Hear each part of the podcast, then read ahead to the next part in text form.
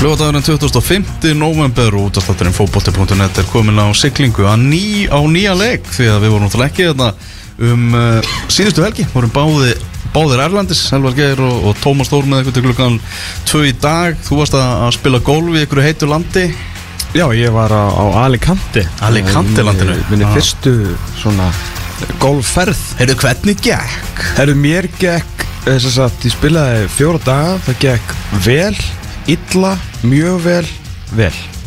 Mm, Golfbakteríar, hún er svona, hún er nýi þér. Já, er á öðru ári. Öðru áni Já. Stöðu að framfærir Mjög stuða framfærir, er vantilega komin á smá veg núna þar sem ég lækkaði ansi hratt en það hef ég eins og kannski margt annað sem ég teg mig fyrir hendur uh, gert þetta af, af mikilli festu mm. og hérna mikilli elju og, og, og dugnaði og miklum pælingum. Ég er ekki gæðin svona sem að helli sér út í eitthvað svipað eins og með þegar ég byrja aftur í badmintoninu og var síðan orðin búin að vinna mitt veist, fyrsta stormót sko átján mánuðu setna þannig að hérna, já, maður reynir að gera hlutina almennilega, en já, ég er, ég er veikur Þú ert veikur Já. Bróðum sjúkur maður já, já, já. Já, já, það er svolítið. Við ætlum svona að hefja þennan þátt á því að fara yfir alltaf helsta sem er búið í gangi í fótboltanum bara heila undanfarta tvær vikur, fyrstu við erum ekki búin að vera þarna. Uh, ég var uh, Erlendis, var elda landslið, eldi það til Vínar, Bratislava og, og Lissabon. Mm. Sá þá uh, tapa þarna 2-0 fyrir Portugal sem Já, hins vegar var mun jákvæðri leikur heldur en þessi tapleikur á móti Slovakíu sem var náttúrulega reynasta hörmung svo, já, því miður. Já, já, svo við tökum nú ekki vægar, vægar til orða þar. Þetta var einhver lengsta ferð fyrir ekki neitt sem að ég held að þú hefur farið bara á þinni svona sögu um íslenskan aðsliðin Er ég sá fjóra tapleiki Ég fór á 15 stelpuna líka. Já, Það er töpuð á móti, móti Portugal Á æfingasvæði portugalska landsliðsins Það er þokkaleg aðstæða sem að portugalska landsliðið er með. Kemur ekki óvart? Nei, kemur ekki óvart. Var hérna í, Fyrir aftan var hótelið Það sem að Ronaldo og félagar gist alltaf á. Þetta er mjög hugulegt svæði. Nice, nice. En það er held ég að sé bara korter í dýrasta hús Portugal Í Akstri hérna frá. Og þar býr, jú, Ronaldo. Nei, skemmtileg tilvíðin skemmtileg. Skemmtileg. Já, svo fór ég og sá hérna Þorlák Átnason og, og hann stelpur í Damaniense uh, í portugalsku úrvalsteldinni það var í, í portugalsku kvennadeldinni, vissu það? Nei, Ja, samt eitthvað svona var því það að er alveg nóg. sko það er ekki skjár. Þú veist, dómarinn fyrir ekkert aldrei í skjáin hann er í sambandi svona við eitthvað sem er að skoða þannig að það er bara allra augljósasta sem er, sem er skipt sér af. Það er áhugavert að segja þetta því að hérna, ég hlustaði á hérna, ég var að upphásmaður þessar útvarþástar Ah. uh, Gunnar Jarl Jónsson Mhm. var í hérna í íþróttahlaðarpi Moggans hjá Bjarnar Helga með Þott Þott Þott Ah. þar sem þeir voru ræðum dómaramál og var þar, hérna það sem að Gunnar Jarl stórvinnur okkar uh, óð og súðum af, af reyði yfir hérna dómaramálum íslensku þjóðarinnar þar að segja félagana Ah. en, hérna, en margt áhugavert í þessu það sem að þátt og þátt nefnitt var að tala um að hann var alveg til í sko bara hérna, sama system og í körfunni og var í handbóltan, það er raun og segja körfubolta stötu sportsystemi að fótboltadómarar í bestu deildinni Mm. gætu þó að minnstakosti bara hlaupið út af hliðlinu og skoða skjáin það þyrfti ekkit og þá náttúrulega auðvitað væri kannski ekki með rángstöður og svona mm. -hmm. þá þetta náttúrulega tekningur að línur en það væri þá allavega möguleiki að þú veist eins og með einhverju auðlösar vítaspinnur eða rauðspjöld bara geta að á að séð þær endursýningar sem er í bóði og, og að þú veist, svo náttúrulega tekur bara dómar nákvæmum hvort að hjálpa honum eða ekki, fattur Einmitt. en mér finnst það áhugavert Já. að að þú veist, hann var nú, þetta er nú einn af okkar rafnilegustu mönnum og honum fannst það spennandi Já, ég heyrði séðan annað, svona fyrst erum konur í varubræða aðeins, skemmtilega, óvænta um að gera Já, að uh, eistarnir, þeir eru konu, konu með var hjá sér og eru með eitthvað varbíl sem eru á einum leik í umferð, bara stórleikur umferðanar er valinn Já. og, og þar er var. Það er einhver eitt völlur í deildinni sem að getur ekki tekið á móti þessu, bara er ekki með aðstæða til þess. Sko þegar ég innleiti fyrst að höldum aðeins áfram var þegar, já, þegar ég tók á móti skemmtilegri hugmynd dómaranemndar handklæðisamband Íslands þegar ég stýriði hérna setnibilginu og, og var svona í fórsværi sjómansins fyrir handbóltan á sínum tíma að þá hérna, eins og segi, bara dómaranemndin kom sjálfa málu um og spurði hvort við vildum fá varin í þetta sem auðvitað náttúrulega var gott sjónvarp og gerði þetta áhugavert. Eina mótbáran við því sem var síðan ekkit við, ég ætla ekki að segja hlustuðum ekki á en við ákvaðum að hérna, taka ekki til greina því að við vildum nota þetta var það að þetta náttúrulega breytir úrslitum í einum leik en ekki öðrum Já, já. en munurinn kannski á, á hérna, ástæðan fyrir að við ákvaðum að taka þetta samt sem áður inn er að því að deltakeppnin í handbólta og körubólta hefur aðeins minna vægi út af úslakefni Já. en að sjálfsögðu eins og þeir sem voru í hérna, liðin í neðri hlutunum svo Mhm.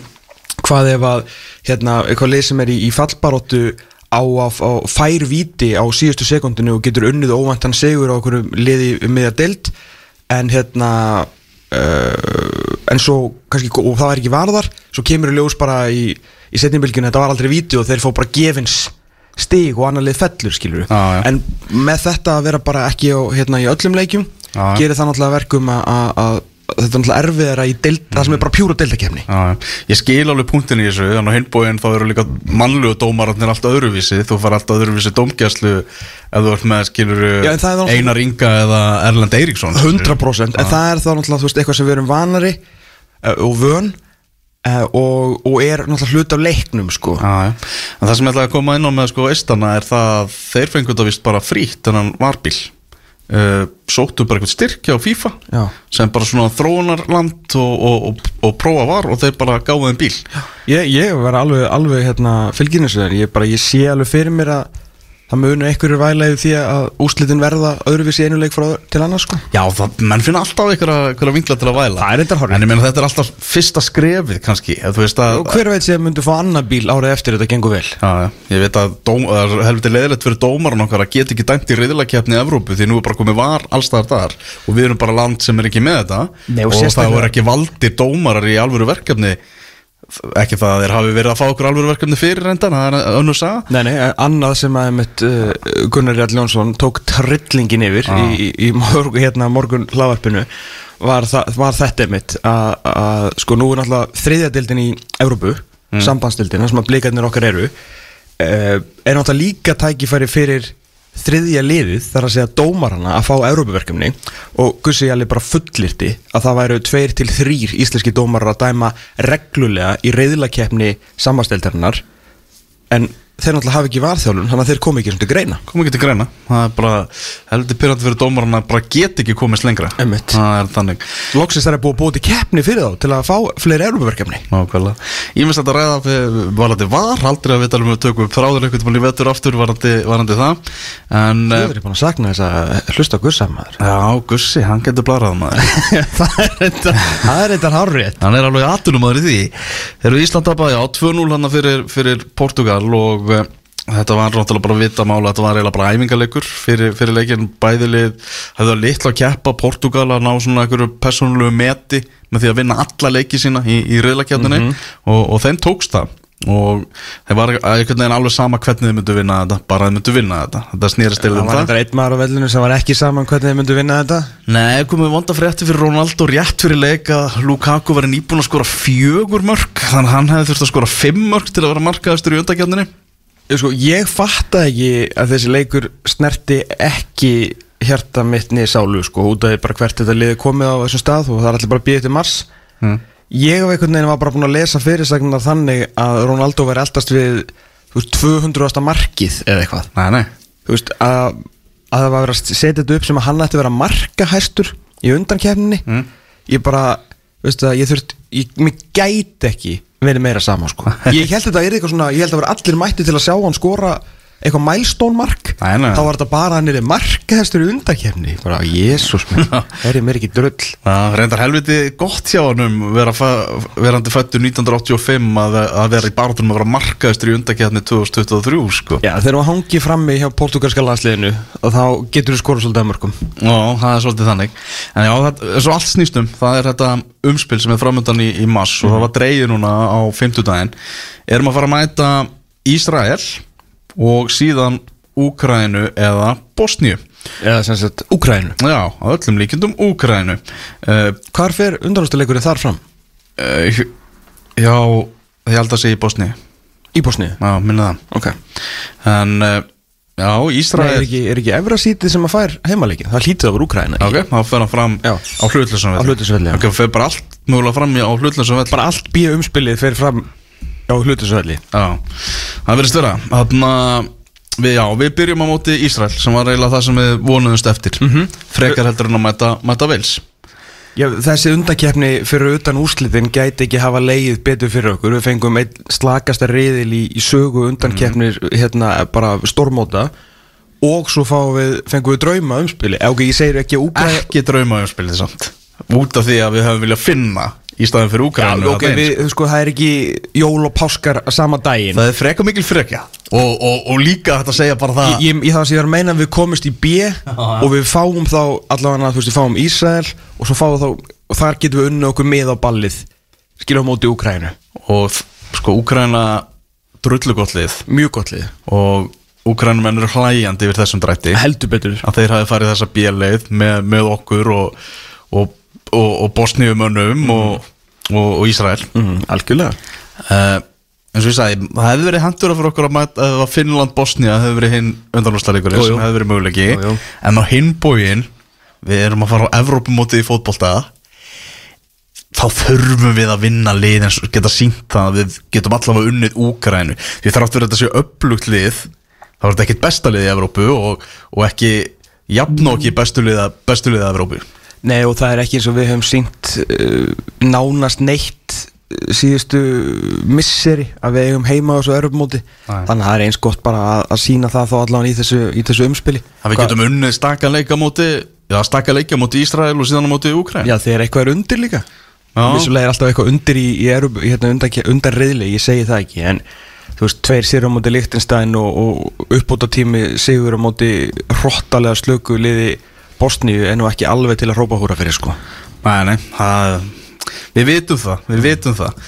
Og það er þessi þjóðatelda sjálfsög sem er að bjarga okkur í, í, í þetta umspil. Þetta mark sem Mikael Andersson skoraði móti, móti Albaníu. Mm Mhm. -hmm. það er í Bos Bosníu leikurinn. Það er í Bosníu, ok, sorry. Bosníu og Ukraina er hinn undanústa leikurinn. Og svo Ísrael Ísland sem að verður öllum leik, líkindum á hlutlausum velli. Uh, Það er vopnarlega hóst í morgun. Já, fjóra daga, það er ekki meira en það. Nei, byrjum þar. Já, og það er fyrsta desember. Fyrsta desember held ég að sé svona þá þurfa að menna að tilkynna félugin, eða liðin, landsliðin að tilkynna heimaleg eða heima, heimavöll. Stóri sigurvegarinn á fimmtudaginn. Já, Það var náttúrulega Ásmundur Einar Dagaðsson og Framsóknarflokkurinn. já. Það og Ríkistjórn Íslands. Það var stóri sigurvegarinn í þessu. Að við, já, fáum ekki heimaleikarétt Nei, nú geta þeir sko tekið gott hérna strókið ennið og tekið gott fjú. Mhm. uh, Við þurfum ekki að pæla meira í þessum velli allavega í byli uh, hérna, Nú er svona þetta tím Æsland ótum að fylgjast eitthvað með þessu? Nei, Þess að Vestin Hafstinsson sá hérna stórmerkilegi þjálfari sem hefur nú gert uh, tvo mennað olimpíumesturum og, heimsmesturum og europamesturum í, hérna, í, í kastgreinum, kringlumkasti allavega, hvort hann á sleggju líka maður ekki. Annað það er búið að ráða hann í það heim. Uh, hann er hann afrækstjóri í ISI og það er verið að setja upp svakalega stórt og mikið plan sem heitir vinnum gullið, þannig að við hefum að vinna gull í alla olimpíuleikum eða eitthvað svona og sem er bara frábært. En þetta svona, og nú er ég bara að segja það sem er sagt að, að svona samfélagið undir þarna eru allir mjög meðvit eh, allir mjög, þeim finnst þetta vera svona algjört pólitíst cop-out, svona undankomuleið að gera þetta því að þetta er ódýrar heldur en að byggja völl. Þannig að það er verið að skila einhverju svona til þjóðfélagsins íþróttalega já. en bara ekki mannvirki. Þú veist það er ekki fara að koma mannvirki hér á næstu árum sko, get lofa ykkur því. Hmm. Þannig að það er að koma einhver peningur enn ég svo eiginlega hefur það ekkert fyllt sögunni. Það er bara að viðstættin alltaf að segja hérna, við þurfum pening. Já, það er hérna Það er erfitt að vera íþróttarhefing í, í íþróttarhefingun í dag. Mm. Það er lítið frá ríkinu og mátt séðan ekki fá pening frá hverjum sem er sem að vilja styrkja þig eins og kom glögglega fram í, með handbóltasambandi núna í, í vikunni. Sem að er náttúrulega eitt það finnast að segja síðan sko. Það voru fjóri sem að kvörtu við því þegar að HSI gerir samning við hérna, Rapid sem er Ísæðs fyrirtæki þar sem að forst, forstjórin er sko stiður heilsugar þjóðarheinsun Ísrael á palestinumannum þá var ekkert sagt, en svo var ráðist á, á laxingreið og þá var allt vittlust þá varð allt vittlust Allt gjössalega trillt Já, þetta vandlifaði þessum heimi. Segðu, segðu. Og íþrótta kvítfótturinn er, er víða. Já, hvort sem það sé verið að þósi í gegnum hérna, laxa eða hvað. Þannig að Úkrænulið sem að við vonast bara til að mæta. Við mættum Ísrael náttúrulega tvisvar í þjóðateltinni gerum 2-2 jafntefli í bæðiskiptin þannig að maður búast við jöfnum og, og spennandi leik þar. Já, ég held að þessi lið svona, við að spila ágætlega bara vel, erum bara, er þetta ekki bara svolítið okkar level eða? Jú, myndi halda það. Já, volandi betri, skilur Já, Svo þurfum við að ná úslitum á móti Sinchenko og félögum í, í Ukraínu Já, og Mikhailo Mudrik og Múdrik maður. Hann spilaði eiginlega aldrei, hann er svo svolítið landslískall Já, hann finnur sér betur þar. Já, Úkraina búið að gera jafntefla móti Englandi, Þískalandi og Ítalju á þessu ári. Þannig að nú þurfum mann bara að sína úr hverju eru gerðir í þessu, þessu umspili hann með er möguleik eins og maður sagði mm. uh, Spurningarna svona fyrir hópin í, í mass búið að vera svona samkvæmisleikur, hvernig verður byrjunalið Mhm. og, og allt það og við getum bara við tókum þátt í þeim samkvæmisleik Jú, jú. að sjálfsögðu uh, Markvarðar staðan sko, til þess að byrja með árunum fyrir mig, þetta er kannski best að segja að Portugals leikurinn mm. hafi svona gefið okkur held ég hvað mest flest og best svör Já. við hvað ætlum að gera í mars Það saði og eh? Já, og hérna og mjög svona það er svona stundum sem að, sem að Guðlu Viktor Pálsson svona, svona sveiflar af sér eitthvað neður svona, svona tilfinningunum Mm -hmm. og hann átti með mjög gott viðtal þarna við Aron Guðmundsson á, á stöð 2 sport þar sem hann bara svona bara svona öskraði eða bara við eigum að spila svona og gera þetta og bara, þú veist, svona viljum við hafa þetta. Já. og bara svona mjög, þetta kom alveg beint frá hjertanu Já, saman það þess að hann Jói Berg líka í það? sá hann það sagði bara, þetta, þetta er uppskriftin sem við höfum að fara eftir. Fjórir, fjórir, einn, einn. Fjórir, fimm, einn, fjórir, hvað svo vil kalla þetta. Mm -hmm. en hérna, já, markvara staðan það, fe, það fer okkur bara bísna vel að spila varnarleik. Já, það verður að segjast. Herðu, markvara staðan uh, á móti Úgrænu þá þurfum við bara markurinn sem er líklegast til að verja flest skot. Við þurfum bara markmannin með, með sjálfstrustið Það er ekkert sérstaklega flókið. Við getum ekki verið með menn sem eru eitthvað litlir í sér og eru að pæli því eru alltaf með eitthvað starf aftast í huganum eh, verði á bekknum eða ekki. Þú, þú, getur ekki farið inn í svona leiki og raun og veru engan fótboltaleik með markur sem er með eitthvað svona sjálfsefa mm. nála sér. Það, það var máli með, með Rúnar Alex skilur hann einhvern veginn fekk þetta fína múti Cardiff strax komin á bekkin þar. Og það verður bara að segjast alveg eins og er að þessi 27 landslíkir hans að þeir hafa afskaplega litlu skilað, því miður. Þetta er bara hérna, flottur markurur en hann bara hefur átt í brasi með að verja að blessa hann fótboltan og ég held að hans dagar sé ég held að hans dagar sé bara taldir. Ef þú talar við einhvern Elvar, sem að hefur fyllt undir 21. landsliðinu og svona þróun Eliasar Ólafssonar. Mm. það eru mjög fáir sem að myndu segja við þig eða sérst, myndu ekki segja við þig að hann er besti markurinn. Ok, þetta var svona kannski óþar töföld neitin ef þú tala, ok, ég skal bara byrja eftir ef þú tala við þá sem hafa svona fylgst með honum komið gegnum upp, bara áttu hans við, Patrik Sigurð og bara svona yfir höfu ég held að nýja hverjum tíu myndu segja að þetta sé besti markurinn sem við eigum. Bara teknilega, rammin, allt saman það er alveg ástæði fyrir því að Bó Henriksen áður en hann breytti síðan í algjörna ræfil hann hendi Jónas Lössel aftur í markið. Það var náttúrulega bara út af fúst pressu fyrir okkur yfirstjórn og sífældu væli í gæði sem átti að spila premjali mm. en Elias Már Ólafsson var orðin aðalmarkur eftir mjög djurland 19 ára eða 20 eða eitthvað í, í Súperlíka þannig að ég er ekkit hvað var það bara pjúra hæfileika Eh, eins og ég s- sagði hérna í þessi hérna, grein sem að, að þegar vorum að hérna ræða bliðinu að Elias er engu síðri en Hákon og eflust betri en Hákon. Bara teknilega en við sáum það í sérstaklega þessum síðustu tveimur leikjum hvað bara spila reglulega og vera með sjálfstyrst skipti máli Þessi framstöð Hákons á móti, á móti Portugal öskraði bara sjálfströst á mann þegar hann var að vaða út úr markinu vaði í alla bolta, óhrættur Já, ég hérna uh, svo sem, ég veit að Hannes Þorvaldur svona kannski ekki alltaf hreyfin en maður vitnar í, í tveggja mánu tal en ég sendi á hann svona í gríni eftir annar markið. Mm. að því ég vissi að hann væri nú ánæði með þessa framistu og hérna við tölum nú stundum um, um markvæslu að ég sendi á hann svona í algjöru djóki herru þessi álög þína á eftirmönuðinum þetta er bara komið gott, nú þarf þetta að fara að sleppa það þú veist hann varði boltan út í tegin sem var náttúrulega einu mistökin hans í leiknum og þá var hann nú fljótur að koma hákonið til varnar og sagði bara herru hversu oft heldur ég hef gert þetta á gullaldar tímanum hérna með liðinu? En þá gerðist ekki neitt að því að bara heilla dísirnar voru yfir okkur. Annarkvort kom Káru og sparkaði þessi burtu eða Raggi. eða eða frammir í hinslisins var ekki mættur. Ég meina hérna það spilaðu mikið með okkur líka sko, það má ekki- mánuð því. og hefni fylgir góðum liðum og allt það. Er hérna Arnótovits atvikinu?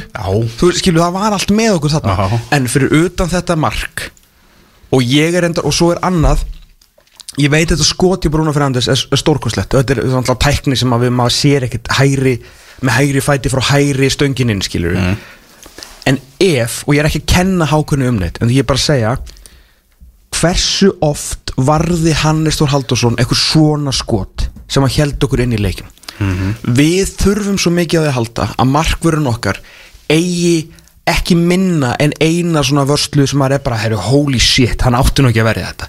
Að því við erum bara ekki betri en þetta sko. Að því sögðu 95% gott 5% slægt og það var þess að fá þessi tvö mörg en allt sem hann gerði, kom út í tegin kýla, grípa, þá voru fullt af fleiri skotir sem að duttu svona í örðina fyrir framann markið sem hann varði og bara tók inn og bara held að því hann er með sjálfströst hann er að spila, hann er með sjálfströst og hann verður vissulega ekki komin á okkur mikið flug með Elsborg, ég menna þetta er ekki marsleikinnir er ekki Skandinavíu tími sko. Getur vel verið að Elias verður búin að spila og verður bóttið búin að spila miklu fyrir leiki en ég held að Hákon hafi klálega að spila sér í liðan Ég held að það sé líka bótt og ef maður les milli línana hjá Óge Hóraði sem er normaðurinn sem að ræðu því hver verður í markinu í þessum leik þá sagði hann á fréttamannaföndurum á 50 daginn að hann taldi sig vera búinn að finna markverðin fyrir umspilið. Og ef hann er búinn að því þá ámál og það eru þetta Hákon. Já það var ekki Elias sem að fekk á sig þrjú léli mörg fattur, og ekki Rúnar sem að fekk ekki að snerta markið í þessu sinni, hann að ofjusli Hákon Já, það er bara algjör, algjörlega augljós Já. sko. Þannig að Hákon verður í, í markinu svo staðan er núna en það eins og við segjum, það á ennþá eftir að koma mass, það er ennþá mánuður í þetta uh, og, og bara þessi, þetta Portugals ævintýri eða ekki ævintýri Eliasar þetta getur orðið til þess að hann verði besti varamarkur í Íslandsögunar í tíu ár þú veist, þetta getur alveg ráðið, menn hvað ef að Hákon fer núna til Hollands eða hérna, Belgíu eða hvað sem er eða bara í Malmö eða eitthvað stórt lið. Og hann bara haldi sér í stöðu. Elias á eftir að fara á upp aftur. Hann á eftir að spila fyrir, Pottþétt. það er búið að segja að hann muni spila fyrir mitt Júland á næstu já og hvað ef hann verður bara besti markmann í Danmörku og hann, hann mun ná lengra. Hann er stórkostlega markverður Ja. en bara þessi gluggi hafi ekki gripi gæsina gæti alveg orðið þess að Elias verði bara sem muni mæta hana tíu ári röð og setja á bekknum fyrir Hákon. Það getur alveg orðið sko. Gæti orðið, gæti orðið, en rosalega við marga mark. Ég veit það, Það er ekki varnarlínan Guðlögu Viktor í hægri bakverði engi spurning bara hætta þessu miðvarðar miðju bulli. Mm. langt besti hæri bakur nokkar í dag. Og, gefur okkur hæðin í tegin og hún líður líka vel að það er meira aksjón, hann þarf ekki segja, hann, hann, bara, hann er hættulegur í tegnum, hann bara slekkur alltaf mikið á sér í þessar miðverðstöðu, það er bara þannig, sorry en einhvern veginn hæri bakuri það bara skilningavitin er á meira flugi það er meira að gerast hjá honum. Hann er ógeðslega góður í, í svona að stíga menn út og hérna getur hann lent í smá brasi að það fór náttúrulega alveg hjálpavörð. Hann var nú alveg lappa fram hjá hann tvis og þrísar en það er náttúrulega portugalsmenn freka góður í Frekar. En hann er bara, hann er svo mikið skrokkur hann svo góður að stíga menn út, skíla boltanum aftur fyrir, fá hæðin í tegin í föstu leikadriðum og svona er hann fínni og bara góður í fótbolta. Hann að bara hættum að ræða annað en hæri bakur okkurla mm. En hvert er þá miðvarðarpari? Hver verður við hliðin á Sverri Inga? Hjörtur, 100% mér finnst bara stórkostlega bilað að ég nenni ekki verið svona gífurinnum mér fannst mjög skrítið mér, mér fannst hann bara virkilega skrítið að hann að honum er kipta hann á liðinu eftir framistöðunum áttu Bosni hver var pælingi með því? Mm. Það er mögulega að trubla bara og ég hóra það að Hjörtur Hermansson er í fristikistunni í Písa er ekkert að fá að spila. Já, sínda það á móti Bosni? Alls ekki. Nei. og, og ekki á móti Portugal heldur. Sástu, að, sem, hvað voru að segja með Hjört þegar hann kom inn í liða mútið Bosni hann leit út þessum miðvörur, það er þessi litlu hlutir. Staðsetning á hérna þegar menn er að, við að fá skot í teig þeir eru komnir upp að endalínu eins og Sverri var að gera svo ógeðslega oft og maður bara svona, oh my god, hvað ert góður í fótból góður að verjast. Þú ert góður ert góður að eyðileggja fyrir hinn. Veist, hendur fyrir aftan bak ekkert vesen á að fá á sig eitthvað kjafta þessi víti. Setja hnið niður og réttum tíma til að láta ekki boltan fara í klófiðar nuttast aðeins í bakinu mönnum sterkir í loftinu. Hjörtur Hermansson er bara miðvörður og þetta var allt sem hann var líka að gera þegar Sverri var ekki hann á móti Bosníum daginn. Þarna eru bara miðvörðunar okkar tveir þetta eru miðverðir. Sem spilin svo miðverðir og þeir eru miðverðir. Já, Hjörtur hann fekk raukt í þriðja leik tímabilsins með Písa þá eh, kom einhver annar maður inn í, í staðin fyrir hann eins og gengur og gerist og þjálfarinn hefur bara haldið sig við þá vörd bara síðan. Og hann búin að vera algjörlega í, í fristikistinu og talaði um það í viðtalið við mig eftir, eftir leikinu móti Portugal að hann þurfti bara að sjá hvernig sín mál myndi þróast núna á næstu vikum. Annars þurfti hann bara að finna sér nýtt lið í, Já, það getur vel verið að það hefur spilað þannig inn í en, en, hann ætlar að spila. Hann, hann, hann ætlar sér auðvitað að vera í þessu liði í umspilinu og, og ef hann er í þessu liði í umspilinu þá er hann mjög líklega í þessu liði það kemur að loka kjarninni ef við komum stákað uh, Við að fara okkur á miðjuna? Viltu ekki vinstri bakur það? Jú, jú, hvað er það? Þetta er erfiðast að staðan í dag. En hérna Ég ætla ekki að segja að mér sé sama hver spilar hana En þetta er svona svolítið, Ég, ég, sem, ég veit hvað það að menna Þetta er svona svolítið bara Það er ekkert frábært þarna. Það er margir kostir Og ég held að mjög jafnir kostir. Er mjög jafni kostir. Já, uh, Hvort sem að sé Ég saði Kolbjörn Finns að þegar mér fannst hann Þráttur hann eina slaka leika sem allir voru ömulegur á mútið í Slovakíu Hefur hef mér fundist hann koma sterkur hann inn. Mhm. Að því sögðu er Valgi Lundal meiri varnamaður og hann er starri og gefur okkur meiri hæð. Veist, ég saði Kolbjörn í þessari grein og ég ætla bara að halda með það en ef að Lundallin verður orðna þá var það bara besta mál líka. Já, ég er alveg sammála því. Veist, ég bara Herðu þarna Kolli, gefur okkur betri fyrirgjör Já, Nei, farum okkur á miðjuna. Ég spjallaði við Þorlák Átnason þarna, fyrir leikin og fekk hann aðeins svona til að rýna í lið og hann sagði bara stærsti hausverkurinn í liðinu er varnartengiliðs staðan Mhm. Það er bara hjá landsliðin í dag þá er það bara stærsta, stærsti hausverkurinn hver á að vera þarna til fram, frambúðar. Já. og við höfum mikið rægt það hér í, í þessum dætti uh, hvernig á miðjan að vera? Ef, við, ef allir eru heilir svo erum við að fara að gefa móti Ísrael. Þetta er rosalega erfitt af því að ef allir eru heilir þá langar mig svo rosalega að segja Aron Einar Gunnarsson. Já. af því að þegar hann er inn á vellinum finnst mér bara, bara hvernig liðinu sé stýrt og stjórna hann inn á. Mm. það er, fer bara úr 6,5 í 9,5 þá er ég bara að tala um miðstýring frá miðju. Mm hvort að hann hafi síðan lappirnar í að gera allt sem að hann þarf að gera sjálfur til þess að- fungera veit ég ekki, en nú erum við að tala með að allir eru bara 100% gjörsamlega klárir í slægin að spila og líðu vel. Að það langar mann auðvitað að segja Aron og Gilvi hvernig áttu, að fara að taka Arnur Ingóð sem er búin að vera mögulega besti leikmaður undakefni þau er bara endur nýjum lífdag, uppreist æru búin að vera frábær. Já, og, Ok. og, og gleymum því ekki í þessu, þessari hörmunga móti Slovakíu þá gekk allt saman vel þar til Arnur Ingvi fór út af. En nákvæmlega. Uh, Ok, af hverju ekki þá bara þeir þrýr Arnur Yngvi hjálpar hérna uh, hjálpar Aron Einari hann aðeins tilbaka. Mm. það sem að færi svolítið boltan og færi aðeins að stýri svo Gilvi færi þá bara að vera svolítið framar að reyna að koma honum í skotsens og þá ertu komið Hákon Arnar á bekkin mm sem er náttúrulega bara bilun.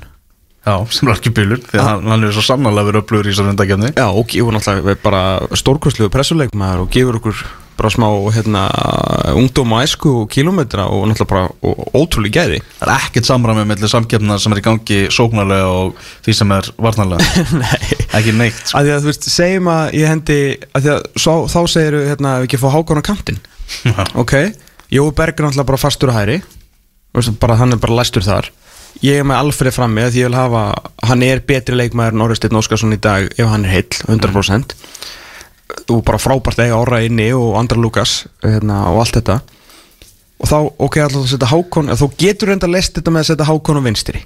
Mm. og tekið þá Arnur Sig úr liðinu. En mér finnst Arnur Sig samt líka hafa staðið sig mjög vel og sérstaklega í þessum portugalsleik var hann alltaf bara ótrúlega flottur og hann er að spila í góðri deildu ef hann er heill og með sjálfstöðust þá er ég mjög rétt að taka hann út sko. þannig að ég hérna þess vegna fekk ég að vera aumingin hérna í þessari grein og, og gera Aron Skástri Gilvi því það leysir maður svona innan risastóra gæsalappa vonar annars ekki klár svona og að vegna. Já. það var bara hægt að leysa þetta. Já Ég var einmitt í svona miklu veselinu Jón Dagur, A- Arnór eitthvað næðin, það ég var að setja með, með leið, sko. Engin, ekki dránt svar þar. Nei, það er rétt. Já, það er eiginlega þannig, þannig er, sagmyndir Nú, náttúrulega, spurningi með Gilva er náttúrulega, þú veist, hvernig verður hann tilbúin í, í mars, þráttur hann hafi skorað hann á tvö á móti Líktanstæðin, hann var á móti Líktanstæðin mm -hmm. Mörkinars tvö sem hann hafi skorað á móti Lingby var, var í byggarnum á móti liði sem er í næsta sett í bjötildinu Þannig að hann er ekki komin alveg nægilega langt svona í, í sinni þróun en hefur ennþá nokkra mánuði til stefnu og, Já, ég og, Aron og hefur- fyrir liðið að hann hafi ekki verið með þessu verkefni algjörlega, minn og Aran Einar hefur aldrei verið jafn langt frá því að vera klár í landsleik og akkurat núna. Uh, náttúrulega líka bara því að hann fær ekkert að spila en við reiknum með því að hann sé búin að búa sér til þannig fyrir hann í Arabíu að hann hoppi bara yfir í næsta lið og, og fara á stað. Fer ekki að detti það að bara Aron Einar verði bara komin í teimið hjá íslenskan aðsliðin bara verði aðstóða þjálfari tvö. Ég allan að þau getur gert margt vittlisur en að hafa hann nála til þessu sko. Já, já, bara haldunum í þessu klálega menn allir landslýstjálfur að tala um hvað hann er mikilvægur bara fyrir leikmennina, fyrir unguleikmennina og fyrir hópin bak við tjöldin. Já, algjörlega, bara hvort að það sé hvað mönnum finnst hvort það sé betra að hafa eitthvað þryggja fjórar á buffer eða bara gera, þú veist, fá hann strax í þetta ég, Já, Eh, bara, bara svona meira ekkert neginn framtíðapæling heldur en kannski Mhm, já. akkurat núna. En, en, en maður heldur að sé svona nokkuð stutt í það. Já. Ég veist, það eru blamenn búin að vera að tala um frá, frá Pólandi og Bosníu og, og hérna Ísrael, allt í tengd, tengst yfir umspil og alltaf, alltaf spurði, er alltaf spurði, veist, ertu bjarsinn, ertu bjarsinn og þetta var fyrir Portugasleikin þá var ég að tala allan við, hérna, já, Ísraelan félagin minn, Michael Jokkin sem er búin að vera mjög spenntu fyrir því að- að við sem að fara að mætast mögulega og ég var alltaf að segja nei, auðvitað er ég ekkit bjart sítt og var alltaf að senda þeim screenshot af Wikipedia, þú veist, úrstildarsíðinni af hverju ætti ég að vera maður er bara svolítið raunsar, af hverju ætti ég að vera bjart sítt hm? svo horfði ég á hann á Portugalsleik og þrátt fyrir tapið og, og að því að mér fannst Portugal vera að leggja fullt í þetta. Þeir voru ekki það. Uh, var loka leikurinn heimavelli, allt brjálað. upp, og uppselt og allir með fána og ég var bara svona, ok, ef við, ætlum, ef við spilum bara svona, kannski þurfum ekki alveg jafn mikla nöðvörna múti Ísrael en ef, ef að þetta eru bara gildin okkar bara svona svolítið eins og hérna, landsbankinu á sín tíma, gildin okkar að þá er ég alveg bara svona, já ef við náum þessu liði cirka bát um það bil mm og við spilum svona með þessa menn sem við höfum hann fram á við þá er þetta alveg vel hægt sko. Já, já, við trúum þessu uh, Tölfræðin segir að við eigum ekki mikið að trúa þessu. 6% líkur á því að við komumst alla leið á EM í Þýskalandi. Já, tölfræðin tekur líka með af því sem að hún alltaf hefur ekki, tölfræðin hefur ekki augu. Nei, en hún hefur hérna gagnagrunn og gagnagrunnur hennar segir þetta lið vann Lichtenstein tvisar og umulett lið Bosníu.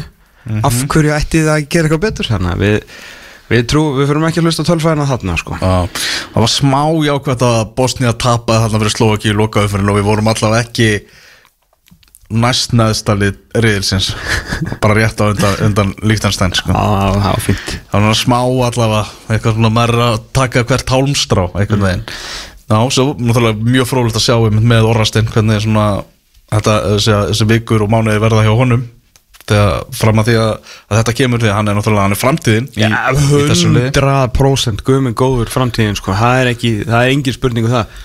En mér fannst það líka sjást í þessum leikamóti Portugal að heill Alfreð er bara, bara og auðvitað er hann betri leikmaður. Hann er ekki nema, þú veist, hvað er hann ekki 15 árum eld hvað skilur þetta, þetta er svo mikið bílur hann er svo ungar norri skilur Já, já. að hérna uh, já, ég, ég myndi ég myndi starta honum bara út af því Já, já þetta verður, að- verður frólægt að sjá, það verður engin svona alvöru official gluggi sem að verður fyrir þetta massverkefni. En það, við erum hins vegar að leiðin í janúarverkefni og þar er slatti af leikmunum sem eru mögulega, mögulegir í þennan, hóp og verða í þessum hóp. Já, og það er nefnilega fínt þar að það er náttúrulega markverðinir okkar er sko Hákon spila þar. Mm. þannig að það fá þá allavega kannski tvo fleiri leiki til að sjá hann aðeins betur. Mm -hmm. Uh, hver eru fleiri svona skandinavar þarna? Orri verður vantilega Já. Og Andri Fannar verður vantilega líka í þessum hóp. Andri fann að fara séns náttúrulega aftur. Mikael Neville eða ekki, Danirni verða þarna. Já, þetta, er, þetta er fínt sko. Já, að og svo er hérna að við komumst nú ekki gegnum einn einasta þátt hérna og þess að ná smá vikingsumræða hérna uh, ég ætla ekki að með hvernig hann fer á stað eins og ég skrifaði í þessa grein að, að þá ætla ekki að útloka það að bakurinn í þessu umspili ef hann fer séns í janúar og heldur áfram að spila í að vilja hann að gera í Noregi og grípi gæsina verði Lóði Tómasson? Ég meina það eru margir gluggar opnir, veist þessi samkvæmisleikur sem við erum búin að vera að spila, þú veist það hefur ekki verið hægt að fara í þennan samkvæmisleik undanfram ár því að maður alltaf vita bara hvernig liðið er. En núna, veist, það er brjálu samkeppni og, og leikmenn er algjörlega meðvitaðar um það að það er rosalega margir sem er að binda vonum við það að spila í mass Já, mér finnst samkjöfnin nánast búinn sem betur fyrr á flestum stöðum eftir hennar portugalsleik og ég fagna því sko mm. Heyrðu, vikingsumræða segir við verðum, Thomas, Ja, ja, og Já. ef við förum ekki áfram, Já. hvað gerist? varandi hann Já, það verður náttúrulega, þú veist, eitt af fyrstum verkefnum nýs formanns Já. og það líður náttúrulega cirka bótt mánu frá gríningu fram að úslindum mm en ég meina, tölfræðin segir að við hefum ekki séns. Segjum, förum eftir tölfræðinu og við förum ekki áfram. Já. Verður hann áfram? Uh, já, það var náttúrulega Það er bara spurning hvort að hann vilji það. Spurning segjum að hann sé klár í einu undakefni við bót Nei, það er þjóðadeild náttúrulega og svo Já. undakefni Já.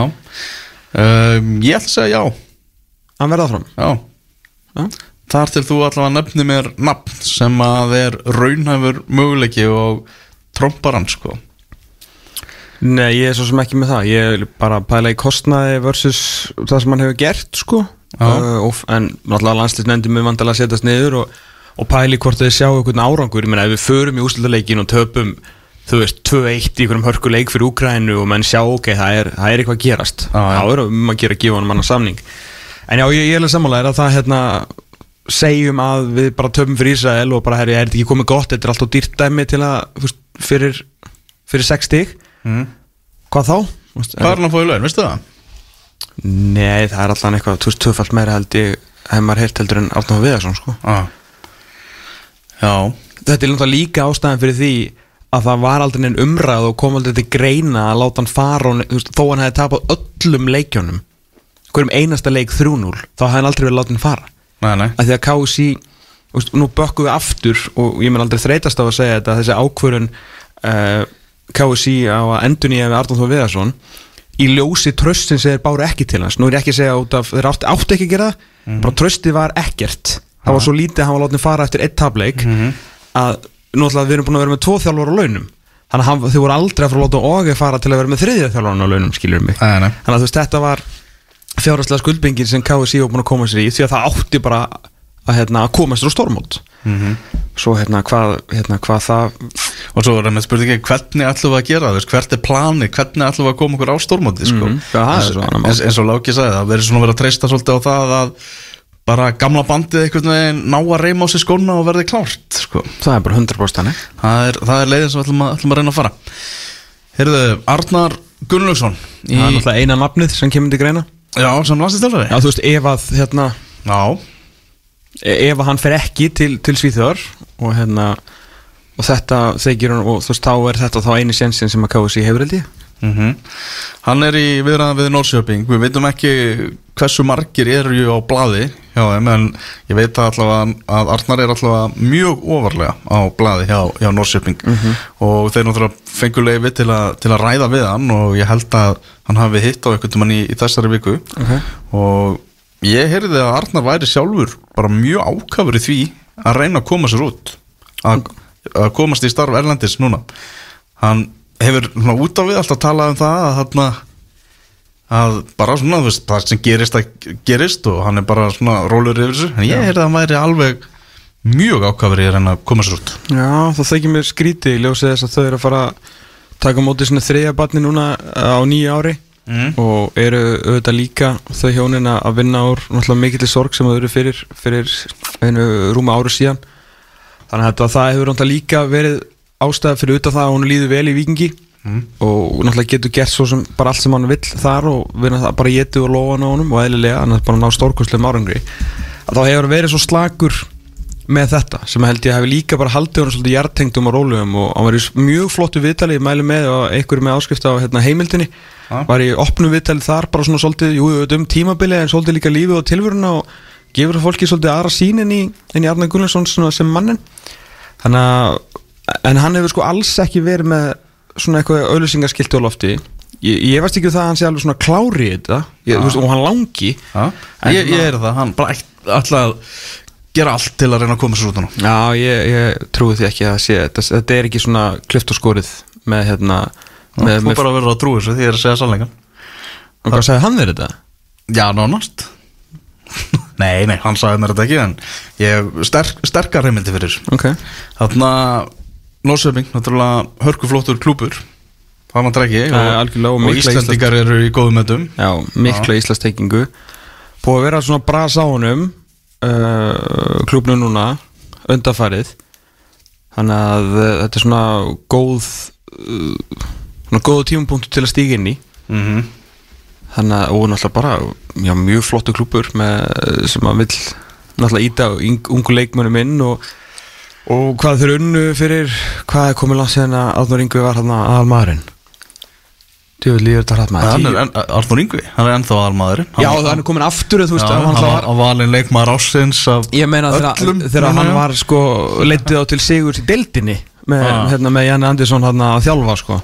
Það er komin alveg heila eilíf síðan sko. Hann að það er ekkert eitthvað mikið pressa held ég á, að- að vinna þarna. Þetta er meira svona, þetta er náttúrulega mikið uppbyggingaklúpur uh, í, eins og segi er, að, veist, vilja fá unga leikmenn inn frá öðrum liðum og öðrum löndum líka í, í Skandinavíu þannig að það er svona allt, allt einhvern veginn sem að þetta fittar held ég sko en Já. svo var reyndar líka að heyra í gær að hann var komin að blæja Hammarby líka Ok, uh, sem er held í klubur sem að passa enn betur fyrir hann ah.